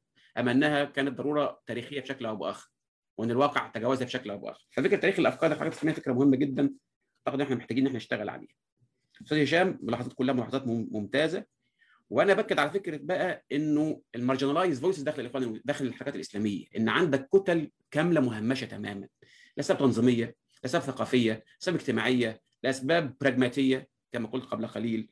هذه الكتل الآن أصبحت مت... مت... مت... يعني عندها ايجنسي متحدثة وأصبحت تتمرد على الواقع اللي كان مفروض عليها يعني مثلا جماعة جماعة الإخوان المسلمين في مصر الآن بعد الانقلاب تحديدا الذي يقود النشاطية الإخوانية هم هم السيدات أو النساء بشكل أو بآخر. طبعا نتيجة لأسباب متعلقة بالقمع الأمني الشديد متعلقة باعتقال كثير من الصف الأول والثاني والثالث داخل الجماعة. الجماعة أصبحت يعني دور المراه أصبح دور قوي جدا. السؤال هل ستقوم النساء بالمفاوضة أو التفاوض على دورهم على وضعهم داخل التنظيم بناء على دورهم يعني هيخش في بارجن مع مع القيادة انه يا جماعة. إحنا بنقوم بدور مهم جدا فيجب أن نكون لدينا تمثيل داخل الاطر التنظيمية للجماعة. يعني تستغرب جدا انه حركة زي الإخوان المسلمين مجلس الشورى العام 118 عضو ما فيهمش امرأة. مكتب الإرشاد 16 عضو بالانتخاب وخمسة بالتعيين ما فيهمش واحد واحدة امرأة. شيء شيء عجيب وغريب. نفس الوضع مع الشباب. الشباب عند الإخوان المسلمين زي الشباب في الدولة المصرية فوق ال 50 طبعا الراجل داخل على 50 أهو ليس هناك مشكلة لكن بتكلم على أنت بتتكلم على تمثيل الشباب داخل هذه الحركة اللي هي واللي أصبحوا بيدفعوا ثمن كثير لخيارات سياسية للقادة نفسهم طبعا هناك حديث كثير حول شرعيه القادة التاريخية للاخوان المسلمين في ظل ما يحدث من الجماعة الآن. فمحتاجين فعلا إن إحنا كباحثين بقى يبقى عندنا قدرة على تفكيك هذه الأصوات أو فهم هذه الأصوات المهمشة بشكل أو بآخر. طبعا هنا ياتي السؤال اللي طرحه الأستاذ أحمد زغلول شلاطة سؤال مهم جدا حوالين القيود القيود على الباحث القيود مش فقط القيود الأمنية اللي هي موجودة والسياسيه لكن كمان القيود الذاتية. وهنا اللي اتكلم فيها الدكتور أبو رمان فكرة الصوابية السياسية أو الدكتور هبة رؤوف إن أنت خايف تخش مساحة بحثية لأن أنت خايف المجتمع هيصمك بشيء معين الوصم الاجتماعي. إن أنت أصبحت متعاطف مع الإسلاميين. الدكتور أبو رمان تحول من شخص سلفي إلى داعشي إلى صوفي وربنا يستر ما عرفش يتحول بعد كده لطالباني ولا what يعني. ففي مشكلة حقيقية عندنا في في كيفية في ال perception أو تصورات المجتمع الواسع لينا كباحثين في هذا المجال إن أنت لازم تكون لك انتماء إسلامي أو أنت على الطرف الآخر بقى أنت معادي لهم تماما. ودي كان أحد مشكلتي كمان أنا كباحث في الإخوان المسلمين بعد 14 سنة لم أجد كتابات موضوعه عن الإخوان المسلمين. إما كتابات تقوم باطراء مذكرات جماعة الإخوان المسلمين عن نفسها قيادات نفسهم طبعا دي مصدر مهم لكنها very subjective لا تعطيني صورة واقعية عن جماعة الإخوان المسلمين. في المقابل كتابات تنطلق من خصومة سياسية وكراهية كراهية سياسية وخصومه خصومة إيديولوجية. رفعت السعير واسمه عبد العظيم رمضان وغيره فصعب أجد نوع من التوازن. أنا عايز أفهم كباحث. أنا مش مهتم بالصراع السياسي. أنا بحاول آخد خطوة من الصراع السياسي عشان أفهم كباحث ما هي هذه الجماعة. فكان في مشكلة حقيقية عندنا فكرة الصوابية السياسية. يعني خايف أوصف إن أنا متعاطف فمش هخش المساحة دي. خايف أوصف بالطائفية مش هتكلم عن الموضوع ده. ده صوابية سياسية وده قيد ذاتي يجب أن إحنا نتعاطى معاه بشكل مختلف وإن إحنا نتخلص منه بشكل أو بآخر على الأقل نفسيا حتى يكون عندنا قدر من التصالح مع الذات عندما اتعامل مع هذه الظاهرة. أنا مش على رأسي بطحى عشان أقول إن أنا مثلا بدرس الإخوان المسلمين. أنا آسف. أنت عندك مشكلة في الليبلنج اللي بتحطه عليا أو تحطني في بو... تحط... تحطني في box. أنا مش مهتم بال box بتاعك ده. أنا مهتم إن أعرف هذه الظاهرة وأفهمها وأجتهد في فهمها. ولا ولا, ولا ادعي أنا فهمتها بشكل يعني صحيح تماما يعني. معنا معنا دقيقة واحدة وقت بدل ضائع دكتور خليل. بدل ضائع؟ يا عم دي extra time كمان خليك كريم. النهارده آخر جلسة بقى. ها؟ اديني كده دقيقتين هو كان يا أخي مفكره أبو صلاح أنت قاعد وقت. أنا بكلم بسرعة كده عشان خاطر ألحق ألحق في الوقت يعني فيعني بعمل اللي عليا والله. طيب خلينا كمان نروح على كلام الدكتوره أمل المهم جدا جدا جدا صراحة. يعني كلام حضرتك في في صلب الموضوع إن إحنا لما بنتكلم على مشكليه في المنهج وفي النظرية ده بيعكس واقع أكاديمي وعلمي معين. وأنا بصراحة بأشفق على الباحثين العرب في هذه المسألة. أنا أنا كنت بح يعني أنا من الباحثين العرب لكنه يعني ربنا يعني انعم علينا بقدر من التعليم بره عشان نفهم شوية ونفتح دماغنا شوية لهذه الظاهرة. لكن فعلا في عندنا مشكلة حقيقية. يعني مثلا الدكتور أبو رمان والدكتور حسن أبو هنية والدكتوره شلاطة بيعملوا مجهود جبار إن هم يصلوا بنتائج مميزة عن الحركات الإسلامية رغم الواقع اللي إحنا عايشين فيه. ولذلك هناك تحدي كبير حول إن إحنا نعمل عملية تكوين معرفي للباحثين العرب من خلال أحدث الوسائل المنهجية أو احدث المناهج البحثية. إحنا للأسف الشديد يعني لما نخش على الجامعات العربية تدريس مثلا مناهج البحث تقف عند السبعينات. التحليلات الكلاسيكية والوضعية وما أعرفش ما فيش ما فيش شغل بحثي بالمعنى اللي إحنا ممكن نتخيله بشكل أو بآخر. طبعا الأمر مرتبط بالحرية السياسية كمان. يعني أنا مش عايز أضع أضع العاتق كله المشكلة كلها على عاتق الباحثين العرب. هناك سياق سياسي واجتماعي بيشتغلوا فيه كان الله في عونهم يعني أنا بشفق على على الزملاء الباحثين العرب طبعا بشفق على نفسي أكتر لأن أنا بعيد. يعني هم أكثر فهما للواقع أكتر مني. أنا فعلا ما عنديش حساسية الواقع العربي دلوقتي. أنا بقالي 8 سنين عايش بره مصر. بجتهد. لكن هم عندهم أكثر يعني يعني عندهم حساسية للوضع أكتر يعني هم شايفين أكتر من ان إحنا شايفين بس عندهم كمان قيود مجتمعية وسياسية وأمنية تمنعهم إن هم يشتبكوا مع هذه مع هذه الظاهرة ويشرحوا لنا ويفهمونا إيه اللي بيحصل بالظبط. أتفق مع حضرتك في فكرة المنهج السوسيولوجي. وأنا لم آتي لم آتي أنا ركزت على ال main trends أو ال أو ال أو الثلاثة الرئيسية بشكل اخر طبعا متفق مع حضرتك إن المنهج السوسيولوجي خاصة الشغل بتاع أوليفييه روا فرانسوا بورجا وطبعا دلوقتي زي ما قال حسن أبو هنية ستيفان لاكروا وتوماس باريت وآخرين بيشتغلوا دلوقتي عن شغل السوسيولوجي أكثر تعقيدا بيعملوا problematizing للمشكله وليس فقط مجرد نظرة سطحية للمسألة. أنا كلمة الأهواء مش فاهمها هي الأهواء في السياق المصري معناها معناها سلبي لكن أنا أنا متخيل حضرتك قصدك المشاعر ودورها في تفسير السلوك السياسي والاجتماعي للحركات الإسلامية وده ده مهم جدا اللي أنا بقوله يا جماعة وده بيخش مع كلام عمار من شوية إنه عشان أفهم تحولات ظاهرة معينة من الصعب أنظر إليها من أعلى محتاج أنظر إليها من أسفل لأن في النهاية دول عبارة عن عبارة عن أفراد لديهم مشاعر وعواطف ومظالم شخصية بيعبروا عنها يعني مثلا هديكم ثلاث أمثلة بشكل سريع جدا. التقيت بباحث عفوا التقيت بناشط سياسي من أسرة إخوانية لكن هو ليس اخوانيا على الإطلاق هو كان ينتمي لحركه 6 إبريل. أخوه اتقتل في رابعة وحملوا على يديه. بيقول لي عملت معاه مقابلة طبعا كان عنده تروما وطبعا التروما ده شيء محتاجين برضه نبص عليه. حالة المشاكل النفسية اللي بتيجي بعد الصدمات السياسية محتاجين نبص عليها وتأثيرها على تحولات الفكر. آه بيقول لي لو, لو, لو أنا كان معايا سلاح كنت خرجت وفتحته أو فرغته في رجال الشرطة والجيش في مصر بعد الواقعة دي. هو هو وعلى عكس خالص من من الإسلاميين. الجزء الشخصي مهم في التحليل عشان أفهمه. في شابة الله يرحمها اسمها زينب المهدي. كانت كانت تبع الإخوان المسلمين. وبعد ثورة يناير انفصلت عنهم. كانت محجبة قلعت الحجاب. ثم في النهاية للأسف الشديد انتحرت.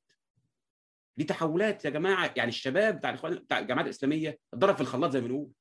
مر عليه ثورة. وانقلاب ومذابح ومنافي ومهاجر ومشاكل كثيرة جدا. وأنا كباحث كده أجي أقعد وأطلع كده حكم وأنا قاعد إن دول ما أعرفش ما أعرفش جماعة إيه وجماعة إيه وأنا قاعد كده إيه قاعد كده في مكتبي في التكييف. ما ينفعش. لازم أحط العنصر ده بيسموه ال meso level أو ال intermediate level of analysis في التحليل. عشان أعرف أفهم السلوك السياسي بتاعهم وليس فقط إن أنا أعطي حكم تقييم وأنا قاعد كده إيه آه يعني بشرب كوباية شاي ولا حاجة. ف ف المثل الثالث كنت بعمل مقابلات مع زوجات المعتقلين السياسيين في مع المعتقلين السياسيين في الإخوان المسلمين حاليا في مصر في السجون المصرية. التقيت بالصدفة بشابة مصرية كانت يعني مكتوب كتابها لم تدخل بعد. وخطيبها أو جوزها طبعا يعتبر واخد حكم مؤبد من 2015 يعني هيطلع إذا هيطلع زي طلع ربنا يديه الصحة ويطلع قبل كده هيطلع في سنه 2040 حضرتك وأهلها بيقولوا لها يا بنتي خلاص فك فض فض فض الزواج فض فض فض المسألة. تقول لهم لا لن أخونه سأظل على العهد معه. ده أفسره إزاي يعني أفهم أفهم أفهم التركيبة دي إزاي؟ التركيبة التركيبة النفسية دي إزاي؟ إلا بدون بدون معايشة بدون دراسة اثنوغرافيه بدون آه تواجد انثروبولوجي مع الناس دي عشان أفهمهم أفهم مشاعرهم بتأثر إزاي في سلوكهم ونظرتهم للمسائل.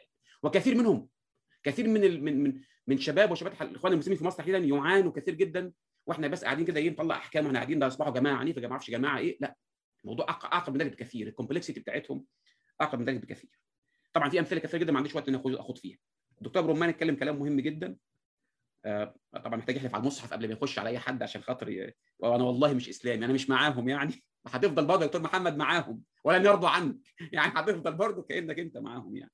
بس أنا بتفق معاك تماما في مسألة الأزمة إشكالية الباحثين وشكايه الحق وأعتقد إنه جزء رئيسي من نقاشاتنا النهارده إن إحنا نطور تقاليد بحثية من اللي إحنا قلناه كلنا. إن يبقى عندنا فعلا مدرسة بحثية أو أو تيار بحثي عربي في هذه الظاهرة تحديدا لأنه فعلا يا جماعة هذه الظاهرة تظلم كثيرا جدا.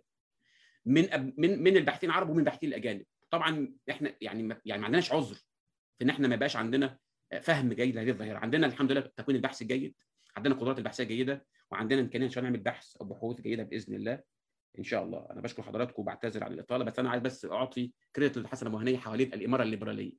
شابوه يا أبو علي. شكرا دكتور خليل وشكرا دكتور عمار على هذه الورقتين البحثيتين وشكرا للجميع على المداخلات القيمة والمهمة.